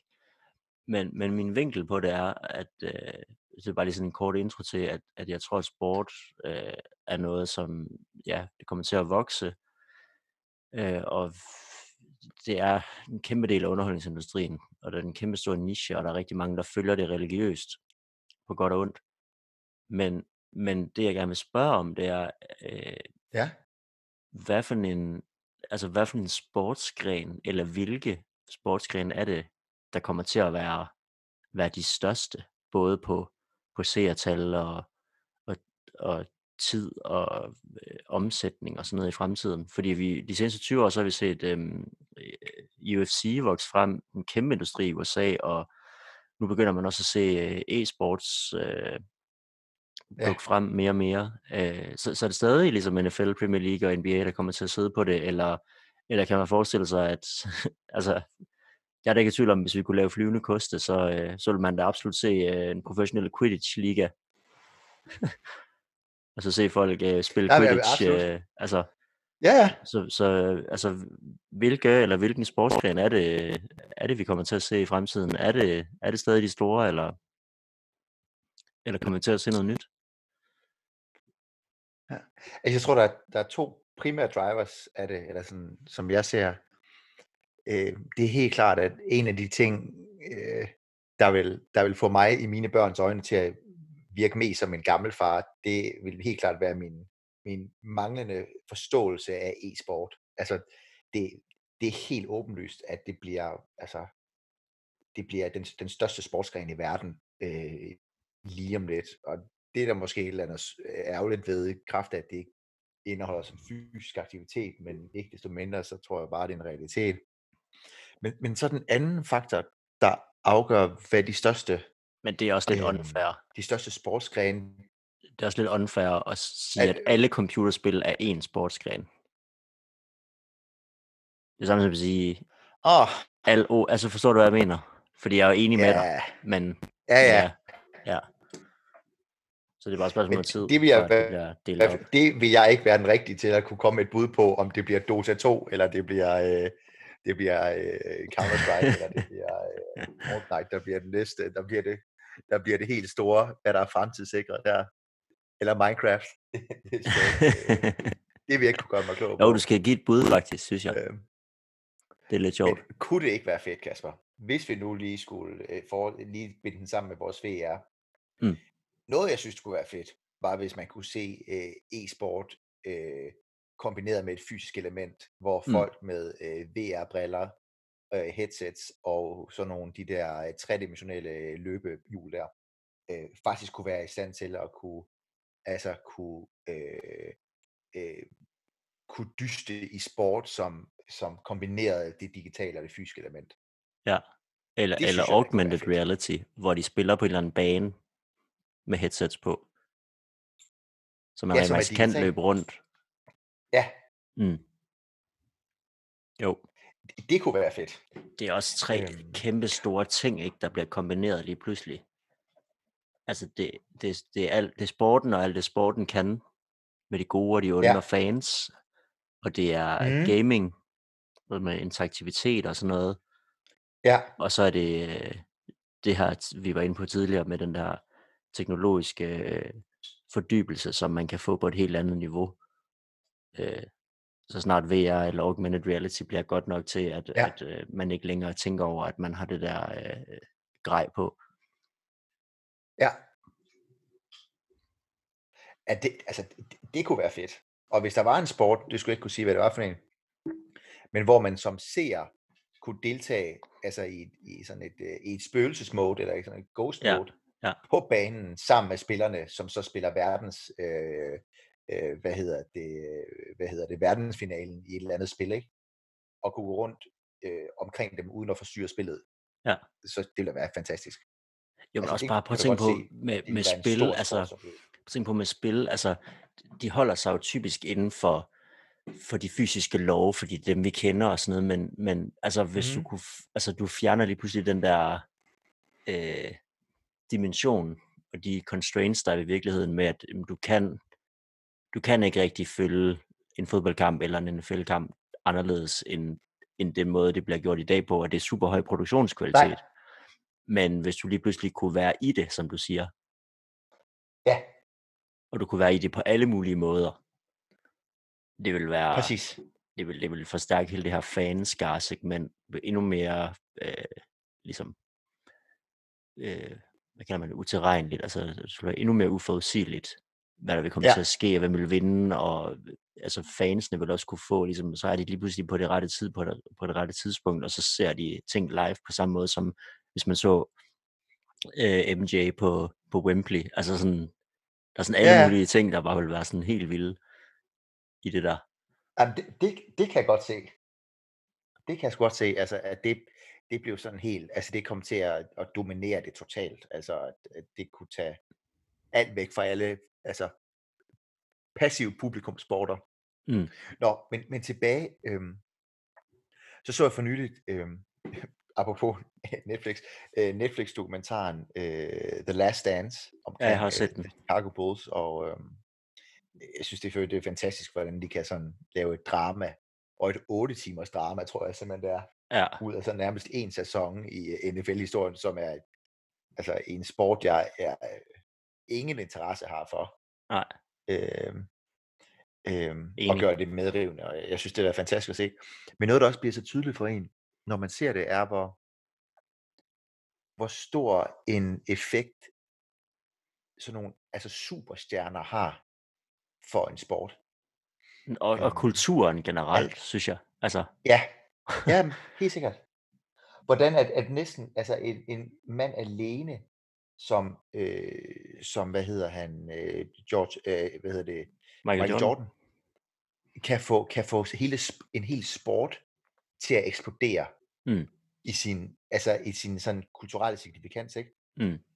Som også var det samme, man så med Tiger Woods. Altså, da, da Tiger Woods startede, var, var golf sådan en, en overklasse hvid, øh, sådan Donald Trump-agtig sport, ikke? Mm. Men det har jo øh, siden da været en hurtigst, altså siden da til stadighed, Mm. den hurtigst voksende sport i Danmark, ikke? Og det er Mm. direkte korreleret med Tiger Woods. Mm. Altså det er bare sådan, at én person kan gøre det der, så det er også det, der synes jeg gør det svært at, at forudse, ligesom hvad den næste store sport bliver, fordi jeg tror, det er så velkorreleret med opståelsen af Et eller andet guddommeligt talent, der Et bare tager det til, det, talent, ja. til det nyt niveau. Lance Armstrong i, i, i- Tour de France, og der Præcis. der er mange altså, cykelsport eksempler. i USA, det fandtes jo ikke før Lance Armstrong. stort set ikke, nej. Det var bare ikke noget, men ligesom, det var en europæisk sport. Lige pludselig blev den kæmpe stor i USA, fordi man får den superstjerne, som træder ind på, øhm, på banen. Ikke? Så jeg synes i virkeligheden, at det, det åbner jo for næsten, at øh, altså squash kunne blive det næste store. Ikke? En eller anden, der bare er psykopat vild til squash, og bare Ja, ja, 100 præcis. dobler seertallet. Han skal godt Ja. ja. nok være vild, så. At man så det sådan lidt øh, i mikro, mikroniveau også med de danske curlingkvinder, ikke? Altså en sport, som ingen nogensinde havde hørt før Ej, om ej, ej, ej, bide sig fast. ej. Men, men ikke desto Ej, mindre. men det, det kan du ikke sige. Det kan du ikke sige, fordi når der er Nej, et eller okay, andet med. Danmark, der bare har lidt succes, mm, så er det fra Danmark, og så er det bare det fedeste i verden. Altså det, det, det vi evner ikke som danskere at, at se det. Det var ligesom øh, VM i Brasilien i finalen, så var det jo også dansk rullegræs, og så var vi jo lidt med i finalen. Altså det, vi kan ikke, vi kan ikke som land holde til det der overhovedet. Så det eksempel, det køber jeg overhovedet ikke. Nej, okay, undskyld. Ej, det, Det, det har ikke noget det med, var at også- de var gode at det var gøre, det har ikke- noget med, at det de var var ikke- danskere. Jeg vil også sige, det var ikke, det var ikke en fortælling, jeg havde skrevet ned på forhånd, den der. jeg synes, det det er fedt, du bringer den op, men jeg må gerne save den ned. Ja, den er hermed nedsavet og puttet i, øh, puttet i kompost, øh, kompostkværnen. Vi klipper den ud. Ja. Men det, øh, men ja, det, det, jeg tror sgu det, øh, altså, det, det, det er helt øh, uforudsigeligt. Altså, Mm. hvad, hvad det Men e-sport er et godt bud. Virkelig godt bud. Altså, e-sport kommer uanset hvad. Men jeg tænkte bare det der med UFC, det der med også, altså, sådan, altså hvor meget vold det egentlig, altså det er jo, det er jo, det er så voldeligt, altså. Og det er blevet så stort. Og Ja. også bare de tendenser, der er i samfundet i dag, hvor at, der, der er mere nøgenhed, og der er mere pornografi, og der er mere vold. Altså det bliver mere og mere, hvad skal man sige, groteskt, eller ægte, eller upolært. Jeg ved ikke, hvad man skal mm. kalde det. Øhm, og man sådan ligesom ser et eller andet. Men, men ved du hvad, jeg, jeg, er ikke, jeg er ikke sikker på, at det der det er en tendens. Altså, jeg, jeg tror, det er, altså, det er et skvulp i en retning, men, men også sådan, altså men også bare i Danmark, altså brætspil er jo meget mere populære i dag, end de nogensinde har været før, for eksempel. Og, og altså, på et tidspunkt, så var det også, altså, poker, det lige pludselig fik en kæmpe stor, Mm. altså, Nu bruger internet poker, det var jo så også vi på kunne alle samme sammen spille var poker ikke, fordi der ikke derhjemme. var, Mm. Nå ja, det var selvfølgelig også det, der hjalp lidt, ikke? Men, men øh, mest mener, jeg tror ikke, og det er måske en sådan positiv, eller det viser måske sådan et positivt syn på, på mennesket, men, men jeg tror ikke, at det er en, jeg tror ikke, vi bliver mere og mere sådan brutale øh, med tiden. Det føler jeg da ikke. Altså også, man kan sige, golf, som, sådan, som vokser, ikke? Altså det er jo ikke sådan en vildt brutal sport. Og jeg tror Nej, ikke, jeg vil, at, jeg vil heller øh, egentlig ikke stå på mål på den måde for den udtalelse, men jeg synes da bare, at film er mere og mere voldelige, spil er mere og mere voldelige, øh, pornografien som industri er større og større, øh, altså, Ja, øh, øh, nøgenhed eller halvnøgenhed på Instagram er mere og mere næsten øh, et, et krav for, at du kan blive stor og tiltrække en følgerskare, i hvert fald Ja. hvis, du, hvis du er kvinde. Altså sådan, jeg synes alligevel, der er nogle tendenser, øh, som, øh, øh, ja, nej, lad os, lad, os, lad os lukke den ned der, det, det, kan, det kan vi tage en anden gang. Jeg håber, du er ret. Øh, Ja. Altså, det ville være skønt, hvis det var et, Ja. et skulp i den ene retning, og så, så får vi en eller anden form for det blive den anden retning på den tidspunkt, hvor at, okay, nu er vi helt nøgne, og vi står og tæver hinanden med bats. Nu, nu kan vi ikke mere den retning her. Nu må vi nødt til at prøve, nu er vi nødt til at prøve noget andet. Det, at det koncept kan ikke trække længere. Altså, det er bare også bare, det er sådan uh, fuldstændig commoditized på et eller andet tidspunkt. Det er bare, uh, altså, det, det får man ikke nogen point for. Men det kunne da godt være, at vi skulle lave en episode på et tidspunkt om, om, altså sådan om, om rå vold og porno. Og sådan at prøve at diskutere det lidt. Ah, det ved jeg næsten ikke, om jeg har lyst til. Men det kan godt være. Det kan godt være, man bliver nødt til det. Jeg vil ikke lukke den ned. Jeg vil ikke lukke ned her. Øhm, Men hvis vi skulle sige mere Kasper, altså hvad, hvad, øh, hvad tør vi lave af predictions? I dag, jeg har noteret her, at, øh, at Disney de vinder streamingkrigen inden for 10 år. mm, Så har jeg noteret her også, at, øh, at nu har jeg bare, det var en tolkning af, hvad vi skrev her, at, mm, at antallet af danske af biografer i Danmark, det er øh, halveret om 10 år. ja. Kan, kan vi lave, kan vi lave, øhm, øhm, Podcast. kan vi lave en, en, oh, det er vi slet ikke rørt nu. Er det en boble, eller kommer det fortsat til at vokse? Jeg kiggede lidt på det. Ja, Det er Hvad- hvad- 65 hvad sagde procent, øh, det er 65 procent øh, årlige vækstrater i, øh, i marketings øh, omsætning. Og 45 procent af alle amerikanere har lyttet til en podcast i 2010, det vil sige for 10 år siden, der var det 25 procent. ja, Og øh, podcast er mest populært i Sydkorea, hvor lidt over halvdelen lytter til øh, en podcast øh, minimum en gang om måneden. Og Sverige ligger på den fjerde plads med 65 procent. 65 procent af svenskere, de lytter til en podcast. Nej, undskyld, en gang om 35. måneden. Undskyld, 35. Nå, ja. Og Danmark Jeg er ikke i top 10. altså Også, øh, nej. Jeg er ikke, øh, jeg er ikke stolt af vores landsfælder på den der. øhm, men ja, altså, og, øh, kvæg det, vi snakkede om, jeg kan faktisk ikke huske, om det var øh, en eller to episoder tilbage, men det her med, hvordan, hvordan der ligesom altså er noget for alle. Altså det her med, at, at, at man kan, at fordi at, at globaliseringen er så øh, er så udbredt allerede, som den er nu, og man kan, altså hvis man interesserer sig noget for noget, så kan man samles med, med sydkoreanere og, og folk fra Ghana omkring det, og ligesom Ja. at være sådan et, et globalt publikum for noget, der er meget, meget niche, ikke? Mm. Øhm, der Det var sidste jeg, episode. At, ja, ja, okay. At der er podcasten også et, et fantastisk eksempel på det, Mm. mm. omkring at man kan lave nicheproduktioner om, om alting, Mm. øhm, som, som øh, nationalt øh, aldrig vil være rentable, men globalt øh, kan hænge sammen. Både kombineret af, at det at globale publikum er stort også, men så også specielt også fordi, at- podcast for, altså, formatet er så billigt. Og Mm. producere, det kan vi jo se selv for os selv, ikke? Mm. Øhm, øhm, altså, det koster, det koster 500 kroner eller 1000 kroner at, at få nogle, nogle udmærkede mikrofoner, ikke? Øhm, og så skal man virkelig bare bruge tid og øhm, øh, bruge tid på det, og så er det gratis at publicere, ikke? Jo. Altså, det er da fantastisk. Ja. Og det, øhm, jeg tror ikke, det kommer til at overtage noget for, for noget andet. Altså, jeg tror ikke, det kommer til at øhm, Det jo ikke ud over bøger, eller kanibalisere på... Øh, lydbøger, eller YouTube, eller sådan. Det er også lidt, vi snakker om det der med nicherne og sådan noget, der vokser frem. ja, Og det hele bliver mere segmenteret op, og sådan... ja. Eller er det, er det vildt bare fordi, vi så lytter til podcast, mens vi laver alt muligt andet? At det vokser? Nej, mm, Altså, så det, det må jo gå ud over Flow Radio, eller... ikke en... Ved du hvad, jeg er faktisk ikke sikker på det. Øhm, måske, måske Flow Radio, men det er jo typisk noget, man...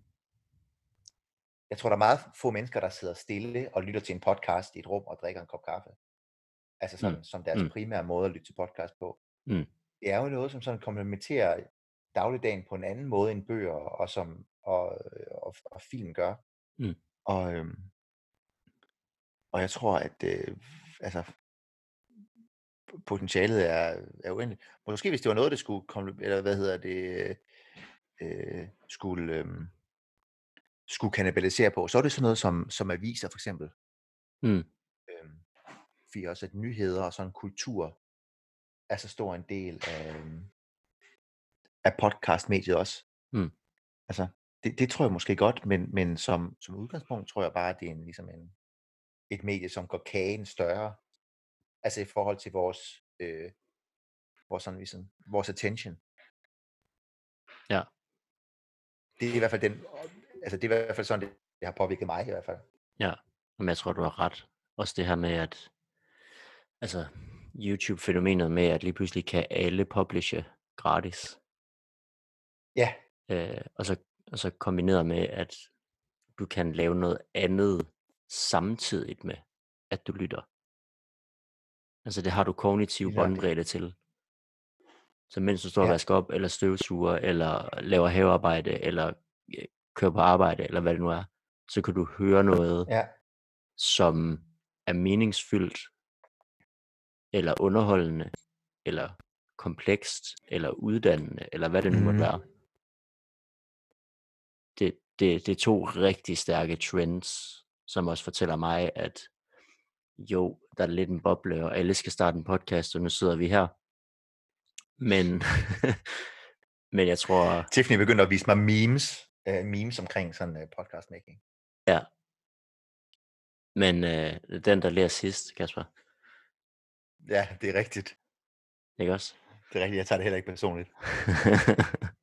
det er bare fordi, hun er skide misundelig på, at du hellere vil bruge to timer af mig hver mandag aften, end du vil bruge på hende. Oha. Jeg tror, det er, øh, det er 20 soon, det der, Kasper. øhm, nej, men sådan, de det er- to, de to tendenser der, og det der med, at folk rent faktisk lige nu har en mulighed, eller de, ikke nu, men ligesom de sidste, sidste 10 år, og i større grad i, i, i kraft af, at det er helt vildt billigt, som du er inde på, at udgive noget, koster næsten ikke noget. Mhm. Du har et globalt publikum, eller nationalt, hvis du snakker på, på de nationale sprog, men der går kun 70 år, så snakker vi jo alle sammen engelsk. Øhm, Præcis. men i, i, i, nu skal jeg passe på med indskudte sætninger. I kraft af, at alle kan udgive, så er der helt vildt mange flere, der kan udgive, ligesom at der er mange flere, der kan blive i princippet mediepersonligheder på grund af Instagram. Så den trend kombineret med, at jeg tror på, at folk har en sult efter kvalitetsindhold, Mhm.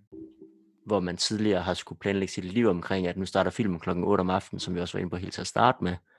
Altså Ja. det bliver on demand, så du kan passe det ind i dit liv, når det er, at du kører på arbejde, og så er du en halv time senere, end hvad du ellers er. Og så kan du lytte til en lydbog, eller til en Ja. podcast, eller du kan lytte til nyheder, eller du kan lytte til, hvad det nu end er. Så der bliver mere og mere udbud, men der er, der er et næsten udtømmeligt, øh, øh, en næsten udtømmelig efterspørgsel, også efter at udfylde de her øh, forholdsvis kognitivt meningsfulde, meningsløse stunder med et eller andet substantielt. Ja. Øh, og, og der er vi måske storslemme også to øh, til at gøre netop det, men der er masser af andre, som, som så gør det med bare, med bare med helt vildt god underholdning, eller komplekse historier, eller med spændende lydbøger, ja. eller hvad det nu end er. Og det er bare en, det er bare en tendens, som vil fortsætte efterhånden, som at vi er inde på vores, vores forældres generation, øh, ja, altså, de ligesom ikke er her mere. Så kommer Flow TV mm. Til at, at fase ud, hvis ikke dø. Og podcast ja. kommer til at blive endnu større. Fordi du, det er meget svært at læse en bog og støvsuge samtidig. Men du kan snilt lytte til en lydbog eller til en podcast. Ja. Så lydformatet i sig selv er bare... Altså bøger kan noget andet, og vi har ikke snakket om bøger, og det vil jeg egentlig også gerne. Jeg ved ikke, om vi når det. Men, Nej. men, øh, men ja, så, de to tendenser, at det er lytte, og at det er alle kan udgive. Og der er rigtig sikkert, mange, tror, der har en hverdag, hvor der er minimum to timers tid, hvor de laver et eller andet, som ikke er det, de allerhelst vil lave. Støvsuge, køre på arbejde, gå ud med skraldet, Ja, whatever. præcis. Alle de der ting. Og det er jo bare en, en handle. perfekt mulighed for, for at have en, have sådan en, en indre oplevelse, ikke? som det jo er at, at lytte til en podcast. Mm. Noget, noget, jeg er spændt på at se, hvad der sker med, er, er hele det her paradigme, specielt i forhold til podcast, omkring, altså, at det jo med meget få undtagelser i dag, er podcast gratis. Øhm, og, og baserer sig for nogens vedkommende så på, på reklamer. Altså, hvor tror du, det går hen? Nu, øh, du starter lige selv, altså man kan sige med, øh, med Sam Harris, som er en, en, en, en podcast, som vi, vi begge to lytter meget til, som er begyndt, altså som har ligesom lavet sådan en, en, en medlemsmodel, som en af de eneste, jeg kender, og, og, og kan have, altså folk, der abonnerer fast på det, øh, men er en af de få, jeg kender, der, eller er den eneste, jeg kender, der gør det her. Hvor tror du, det går hen? Altså, har det blivet sig så meget fast, at, at sådan noget skal være gratis, eller tror du, der, der opstår en willingness to pay øh, på et eller andet tidspunkt inden for det her medie? Jeg tror, vi vil se en blanding af, af den øh, reklamedrevne model, fordi den er så... Øh, vi, vi vil hellere give al vores øh, øh attention og al vores privatdata væk, end vi vil tage penge op af lommen. Så, så det kommer afgjort til at være ja. en stor del af det, men så tror jeg også, at man kommer til at se superstjerner som, som Sam Harris, og man ser det også forskellige andre øh, øh, selvpublicerende mediepersonligheder, som, som netop får en rigtig høj økonomisk støtte igennem de her Patreon-platforme og forskellige andre platforme. Ja. Og Sam Harris har så bare valgt at satse på at gøre det hele selv, og det kommer vi også til at se nogle udbydere. Altså han har udviklet hele den her model og hans app og alle de her ting selv, og det er bare fordi han ja. er sådan, han, han er så stor så tidligt, så der er ikke noget alternativ. Øhm, men det kommer der også til at være, være, være platformen, der ligesom øh, i princippet sælger en eller anden form for white label model til, at du kan gøre det. Fordi igen, ja. grunden til, at han gør det, det er, at han vil, ikke, han vil ikke have noget i klemme hos nogen, som kan lukke ham ned. Og det begynder Nej. man også til stadighed at se på, på YouTube, ikke? At, at folk bliver taget ned på grund af forkert sprog, og på Twitter, og alt, altså sådan hele det her ja. vilde vesten, som internettet har været. Ja, præcis. Hele det her vilde vesten, som ja. internettet har været i princippet fra 2000 til 2010, eller måske 2015-2015, det bliver mere og mere lukket i kraft af, at tingene bliver mere og mere mainstream, og man skal som stor virksomhed kunne forsvare alle de her ting, ikke? Øh, jo. Så jeg tror, vi kommer til at se en, en, en blanding af både medlemsmodellen igennem virksomheder som Patreon, white label medlemsmodellen, hvor, hvor man køber sig til det igen relativt billigt, og så, mm. øh, og så langt størstedelen kommer til at være reklamedrevet. Ja. Fordi du vil hellere lige betale med at, at lytte til nogle reklamer sådan lidt hen ad vejen, eller de første fem minutter, eller hvad det er. Og så er det det. Og så kommer det til igen at være en industri, som ligesom øh, hele, øh, tror jeg, øh, hele, øh, hvad hedder det, hele øh, app, altså iPhone, øh, Android app markedet, hvor der er mm. de, de største 2%, de tjener 80% af omsætningen. Ja. Og så er der bare en lang hale af idioter som os, der prøver på at, at lave noget, enten fordi det skal blive stort, eller fordi det er passionsdrevet, eller, eller hvad, det nu, altså hvad det nu måtte være. Ja. Men det er sådan en... Tror du, Apple Podcast Ja. Tror du, Apple Podcast kunne, vil implementere sådan en, uh, en sådan uh, pay per episode model? Det har jeg tit tænkt over. Ja, det, det, Det er det tror jeg godt. podcast uh, platform. Det tror jeg godt. Altså så de kunne få en... ligesom på deres Ja. App Store tage en cut af, at man betaler 5 kroner for en episode af et eller andet? Jo, Hvilket jeg jamen, følte gerne ville, bare det var nemt. Jamen afgjort. Afgjort. Det, det tror jeg sagtens. Og man kunne sagtens også se det som, som, altså Apple har lidt svært ved reklamer, ikke? Så, så de gør det nok ikke, men man kunne sagtens Jo. se nogle andre øh, lave Spotify-modellen, hvor at du kan vælge at få det gratis med reklamer, eller så kan du betale, og så fjerner vi alle Mhm. reklamerne. Og YouTube har jo også gjort Ja. det med YouTube Premium. Øh, Nå ja, så altså, jo, det, det bliver det bliver sådan noget den dur. Jeg kan ikke se, hvad det ellers skulle være. Nej. Det, det tror jeg afgjort på. Øhm, fordi det, det, og, og, og det, det, der hvor at jeg føler, at podcast egentlig har størst potentiale for at blive endnu større, og det er bare et spørgsmål om tid, det er det her igen med, med kurateret indhold. Altså jeg føler, det er meget svært at finde nye podcasts. Altså det er stadig, Ja. Det er stadig, hvad lytter du til? Eller har du nogle gode Mm. fra mund til mund metoden? Ja. At, at, der, at der ikke er ligesom en eller anden super algoritme, der er, ikke, ikke at jeg lytter til Joe Rogan, og derfor kan jeg godt lide Joe Rogan. Nej, jeg lytter til de her episoder af Joe Rogan, hvor det er de her gæster, og de taler om de her emner. Det er det, jeg er interesseret i. Og så ryger det ind i maskineriet, ja. og så derfor skal du så også høre til, du skal ikke abonnere på den her over. Du skal høre til den her episode 37 og den her episode 539. Det, det er dem, der er gode, og det er dem, der matcher det, du gerne vil. Lyt Ja. til. Eller det er det, du er humør, til, til, øh, humør i til i dag, eller whatever det nu er. Det kan blive uendeligt sofistikeret, det der. Ja. Og det, det, Der er, det, jeg det, faldt det for tror over et, øh, kommer.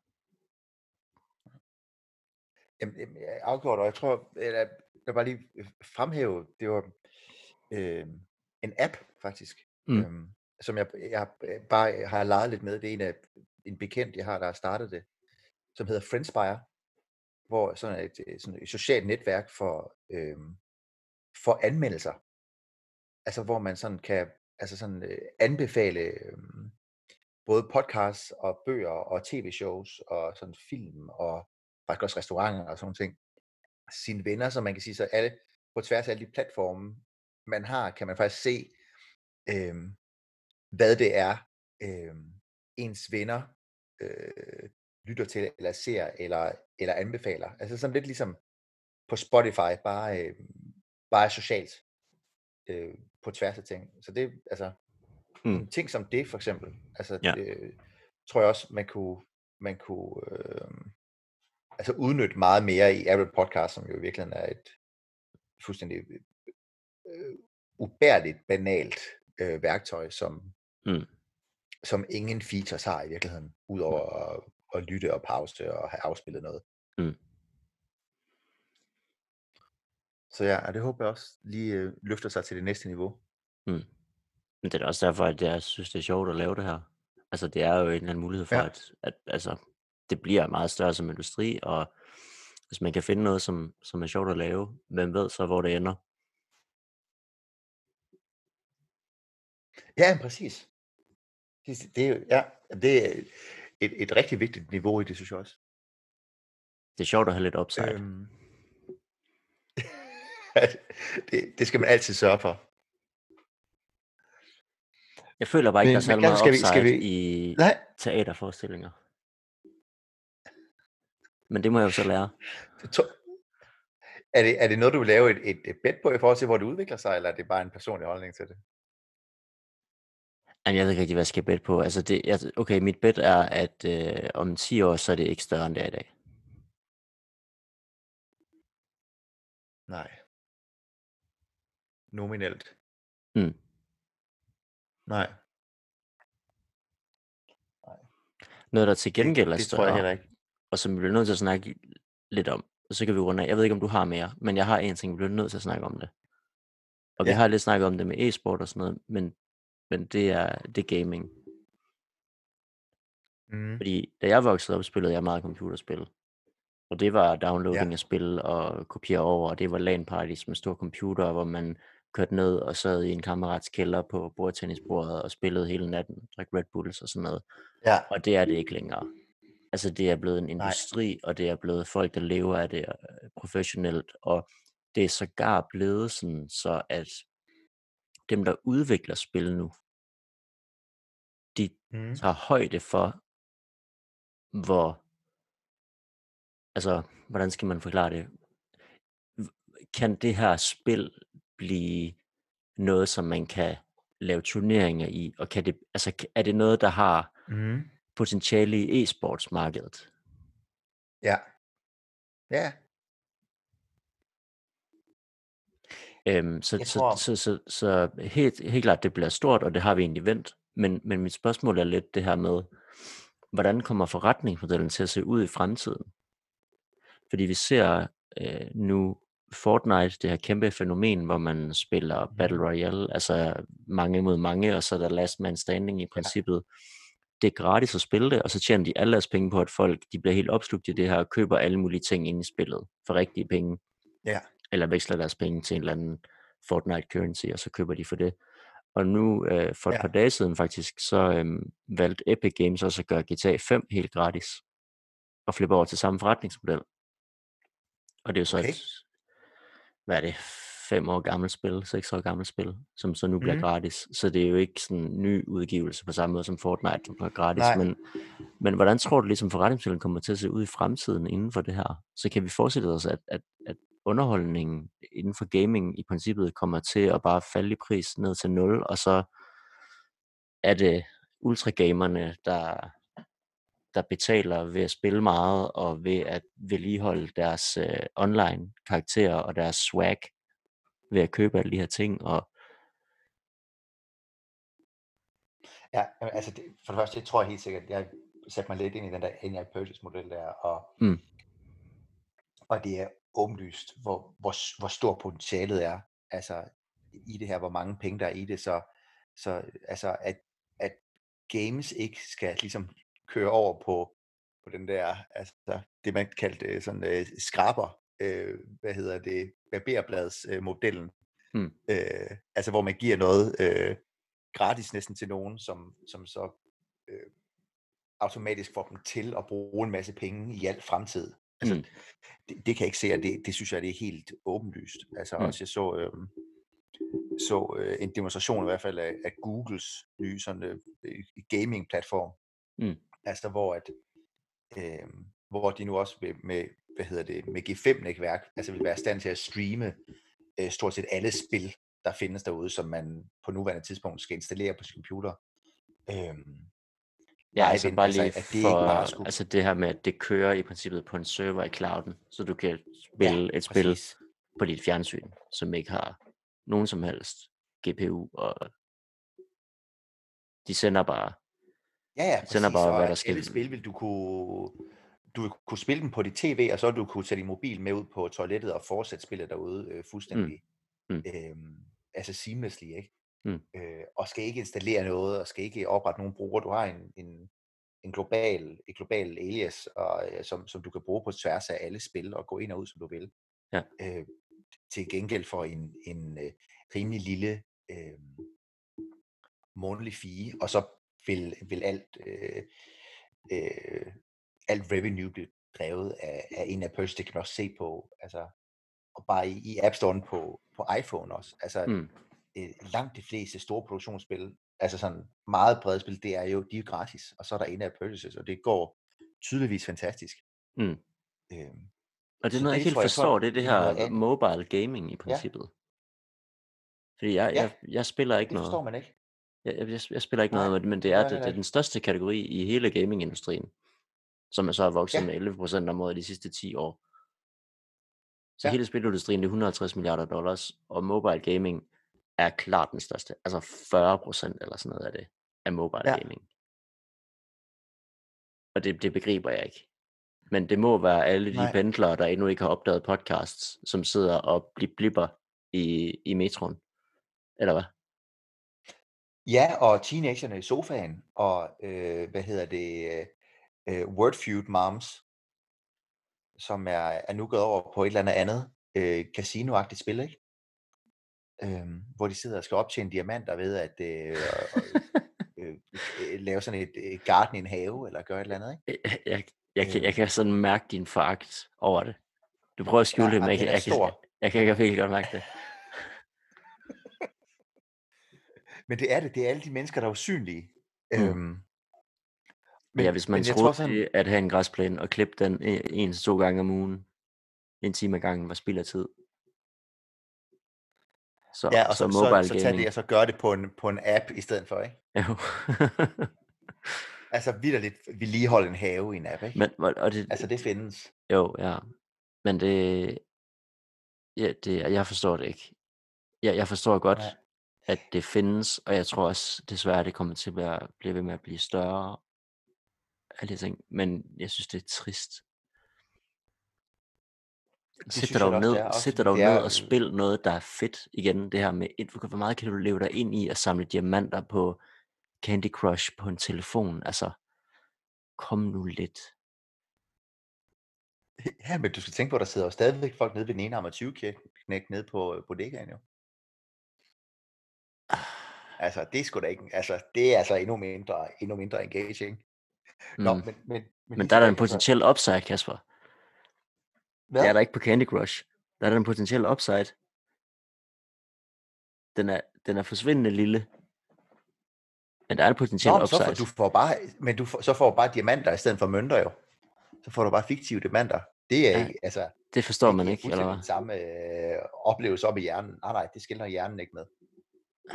Det giver lige så meget afhængighed, du. Ej, jeg bliver så træt. Det er fuldstændig lige meget. Der er ikke, altså, der er ikke nogen mennesker nede på, øhm, nede på bodegaen, der har en eller anden, altså, der forbinder de mønter, de får ud af spilautomaten med deres pensionsopsparing. Altså, de slags penge er ikke de samme. Det, altså, det er bare øh, rewards, eller sådan, det kunne lige så godt være fiktive diamanter. Og apropos reward og sådan noget, hvad, hvad tænker du sådan om hele det her Ja. gamification tendens, som jo er, altså det er jo guldgruppen, hvis man kan tage et eller andet forholdsvis meningsløst, eller faktisk noget, der er meningsfuldt, og så kan man øh, gøre det sjovt. Er, det, Ja. er det, hvad, hvad tænker du om det? Jamen, det, altså, det er jo sådan et, øhm, det er jo sådan et neurologi, øh, neurologisk øh, sådan supervåben, ikke? som kan øh, bruges øh, både til godt og ondt. Og, øhm, øh, og man kan sige, det, det er jo noget, man kan bruge øh, godt og gør det allerede ved at, at gøre det sjovere for børn at lære ting, som giver altså, altså gode ting Mm. at læse og lave matematik og sådan noget, som, Mm. hvor jeg tror, det vil have en kæmpe indvirkning på altså sådan fremtidens skolegang. Altså at kunne gøre det sjovt, i stedet for monsternederen at lære tysk. Ikke? Mm. Altså det er et fantastisk, et kæmpe potentiale. Øh, som er du ikke urolig for, at man Altså, så ikke kan lære noget, fordi det er svært eller hårdt, eller sådan? Men det skal ligesom spilles ind, eller det, det er måske ligegyldigt. jeg tror altid bare, at mennesker, de tager sådan, altså the path of least resistance, altså det, Ja. der gør mindst ondt. Ja.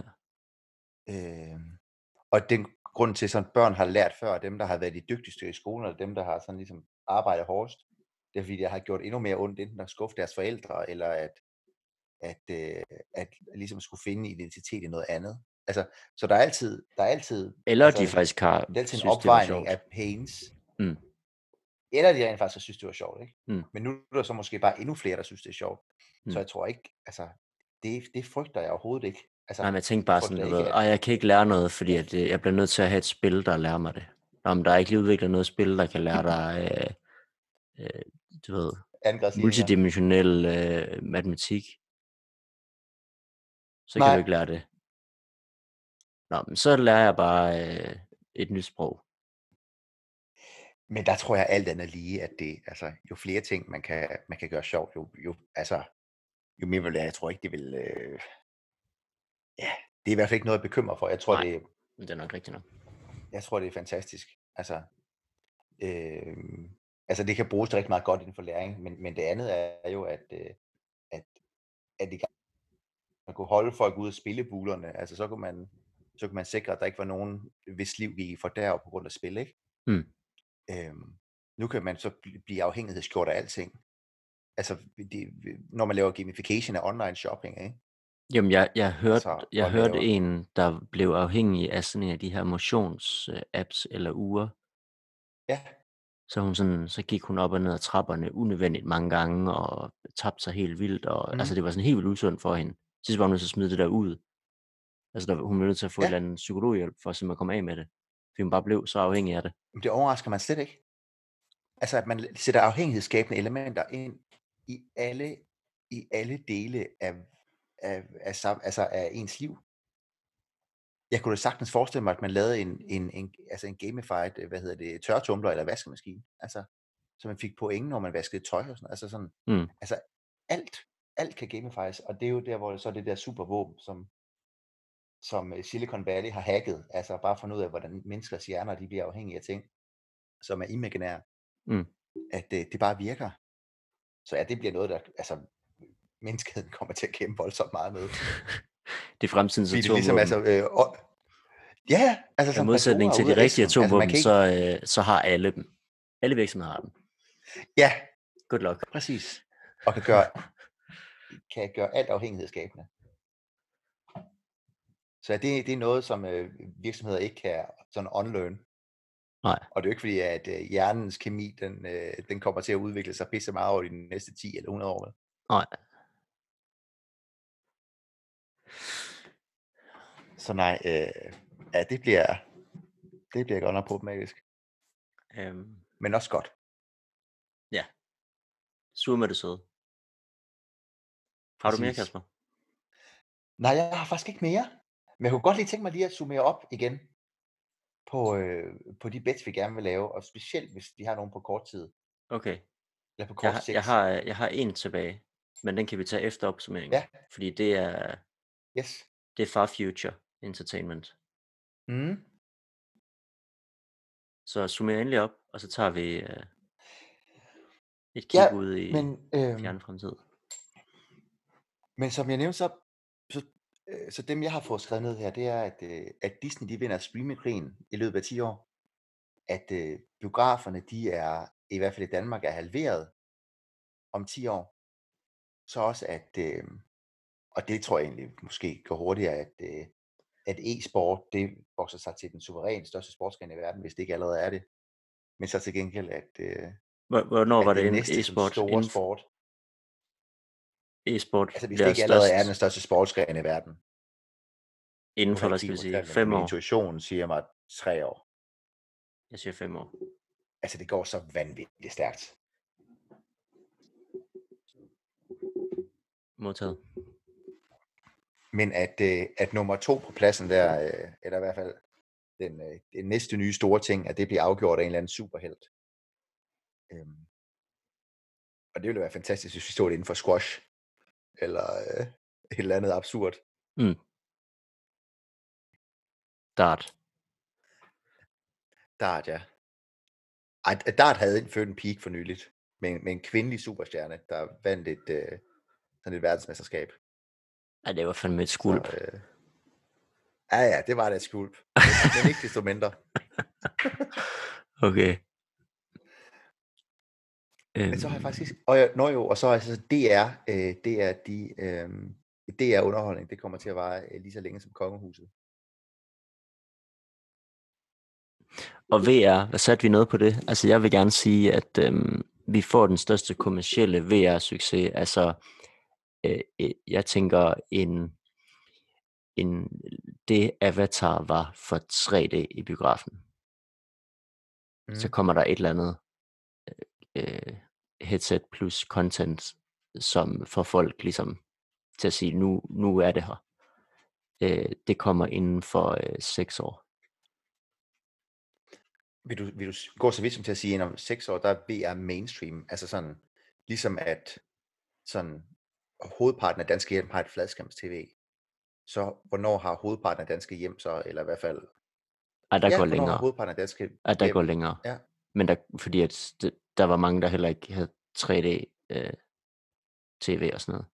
Men, men det kommer ligesom øh, reelt set, altså det kommer ligesom på kortet inden for 6 år. Og så, Ja. så går der måske en, en 15-20 år inden, at, øh, at man debatterer, skal vi, skal vi VR i aften, eller skal vi tv?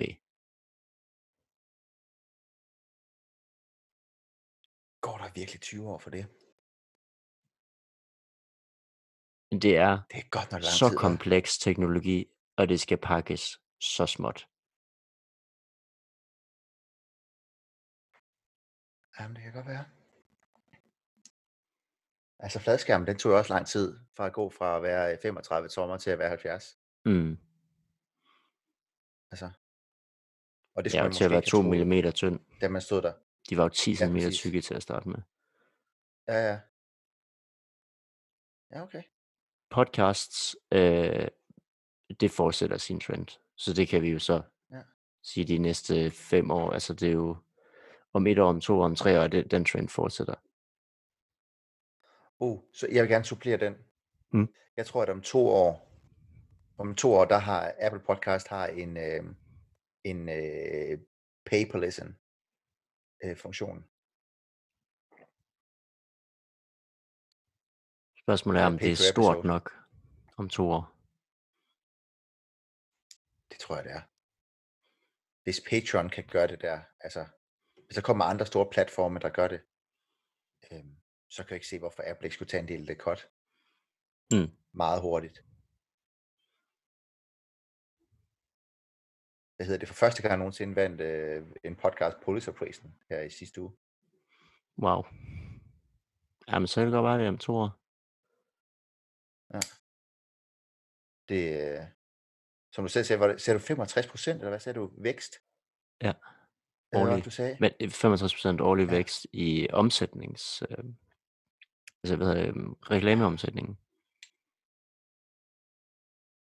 Det har trods alt taget, Præcis, og så har vi, trods alt taget 10 år at få at gå fra 25 øh, procent af amerikanere, der har lyttet til en podcast, altså som har lyttet til en podcast, ja, til 45 Ja, ja. procent. ja, Det, det har lige nogle 65 procents doblinger endnu, inden, Ja. øh, men inden jeg det tror, begynder at øh, blive en så stor industri, at Apple vil overveje at Men jeg, jeg tror altså, de væksttal der, altså det var bare for mange kommersielle interesser i det, til at de ikke bare gøre det til en mulighed. Mm, Man kan også stadigvæk lave gratis apps i App Store nu. Mm. Men du kan også vælge, at man skal betale for den. Mm. Og De plejer ikke at være bange for at tage et cut. skal du ned øh, nominel vækst i teater, opera og alt det andet støvet der. Mm. Det er bare flat.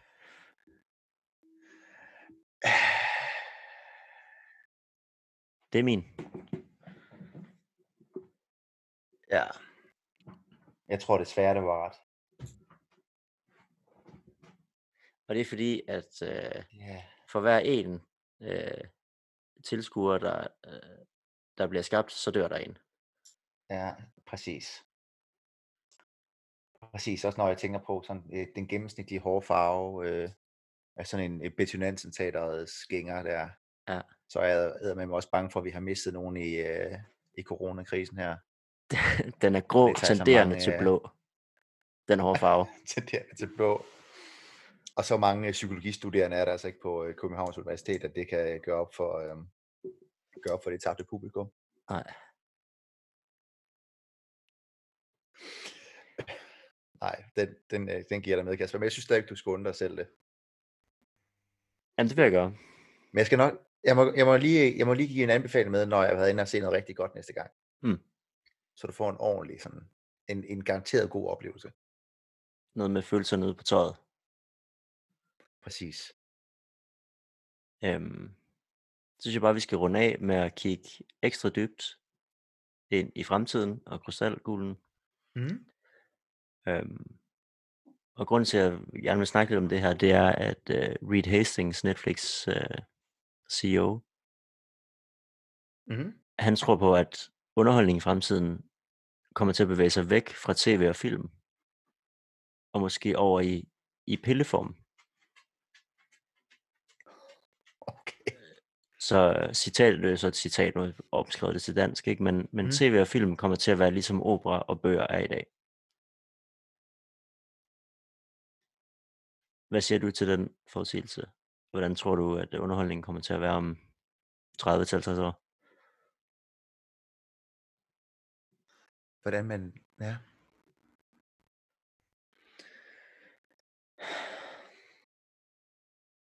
Men den primære sådan, den primære måde, som folk de underholder sig på, som jo er gået fra, at ligesom alle skulle samles om, at der er kommet en eller anden øh, øh, en, en øh, musikskal til byen, hvor alle samledes i en, hvor nu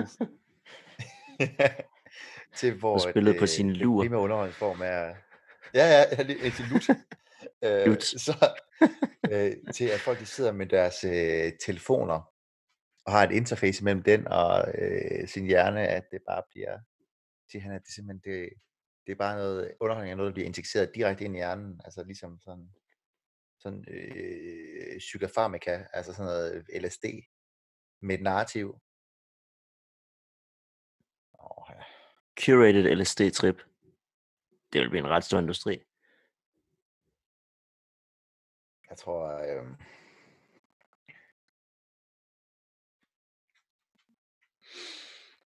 jeg tror, ja,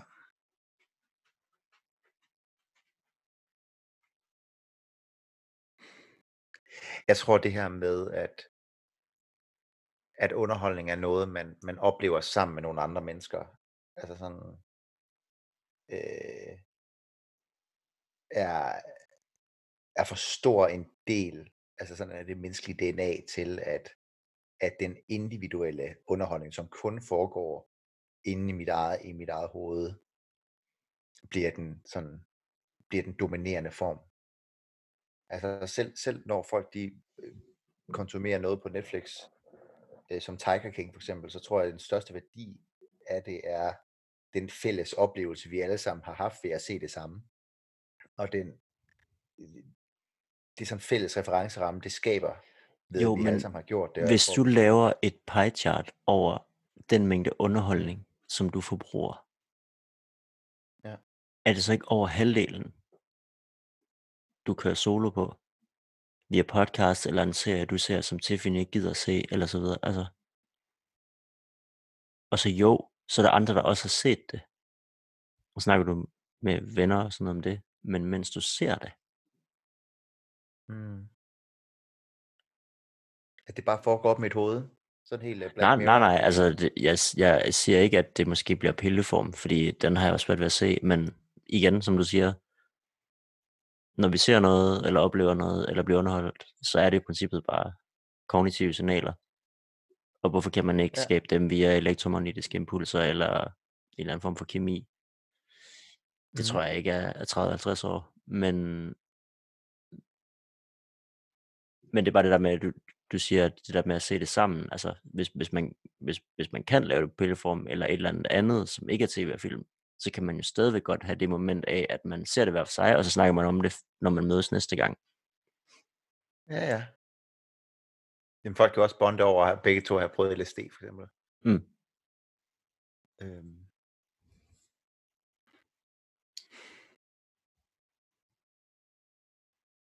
Ej, jeg, jeg, den, den, det, det er simpelthen for abstrakt til, at, øh, at jeg tror på den. Ja. Mit bud, er det det er inde på tidligere, Ja. med, med det her med, at de forskellige genrer øhm, nyder godt af hinanden og smelter mere eller mindre sammen.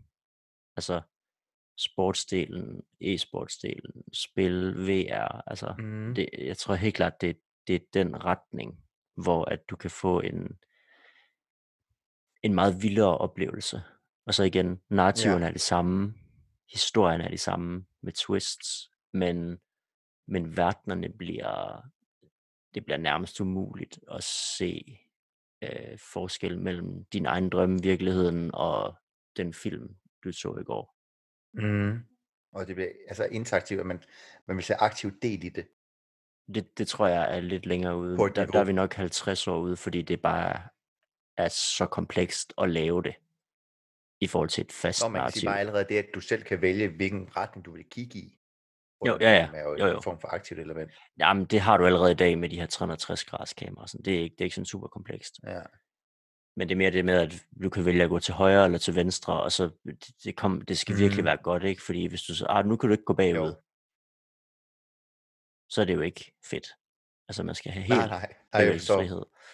Og det er bare virkelig komplekst. Så man næsten over i spil, i stedet for i, i film. Men det her med sport, nogen der Ja. kæmper, og der er fans, og der er tilskuere, og der er Mm.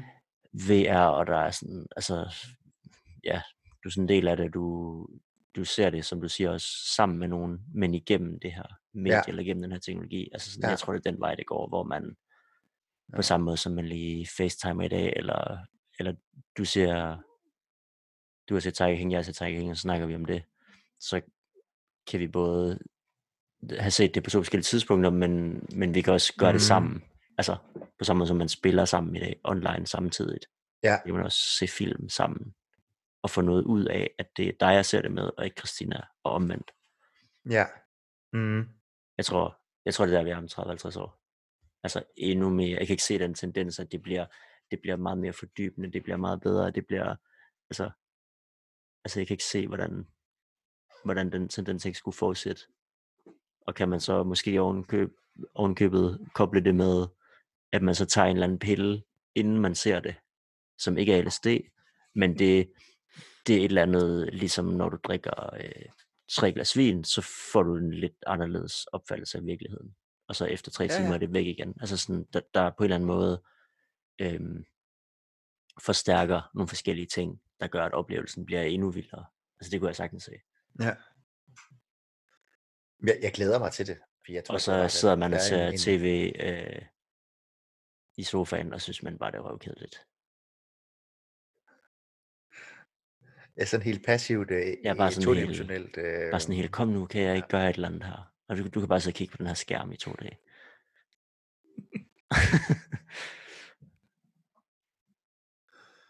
det kommer til at være ligesom, jeg har, jeg har sådan, et, jeg har sådan en, jeg har sådan et, en vision om, at jeg gerne vil se nogle af de her rigtig gamle film fra, fra 30'erne og 40'erne og sådan noget, som, som er helt vildt høje øhm, anbefalinger og, og stjerner på IMDb.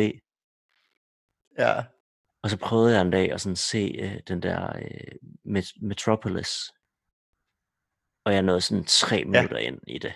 Og så bare sådan, det her lort kan jeg jo ikke sidde og se. Hold kæft, det er dårligt. Altså, jeg, jeg kunne simpelthen ikke. Ja.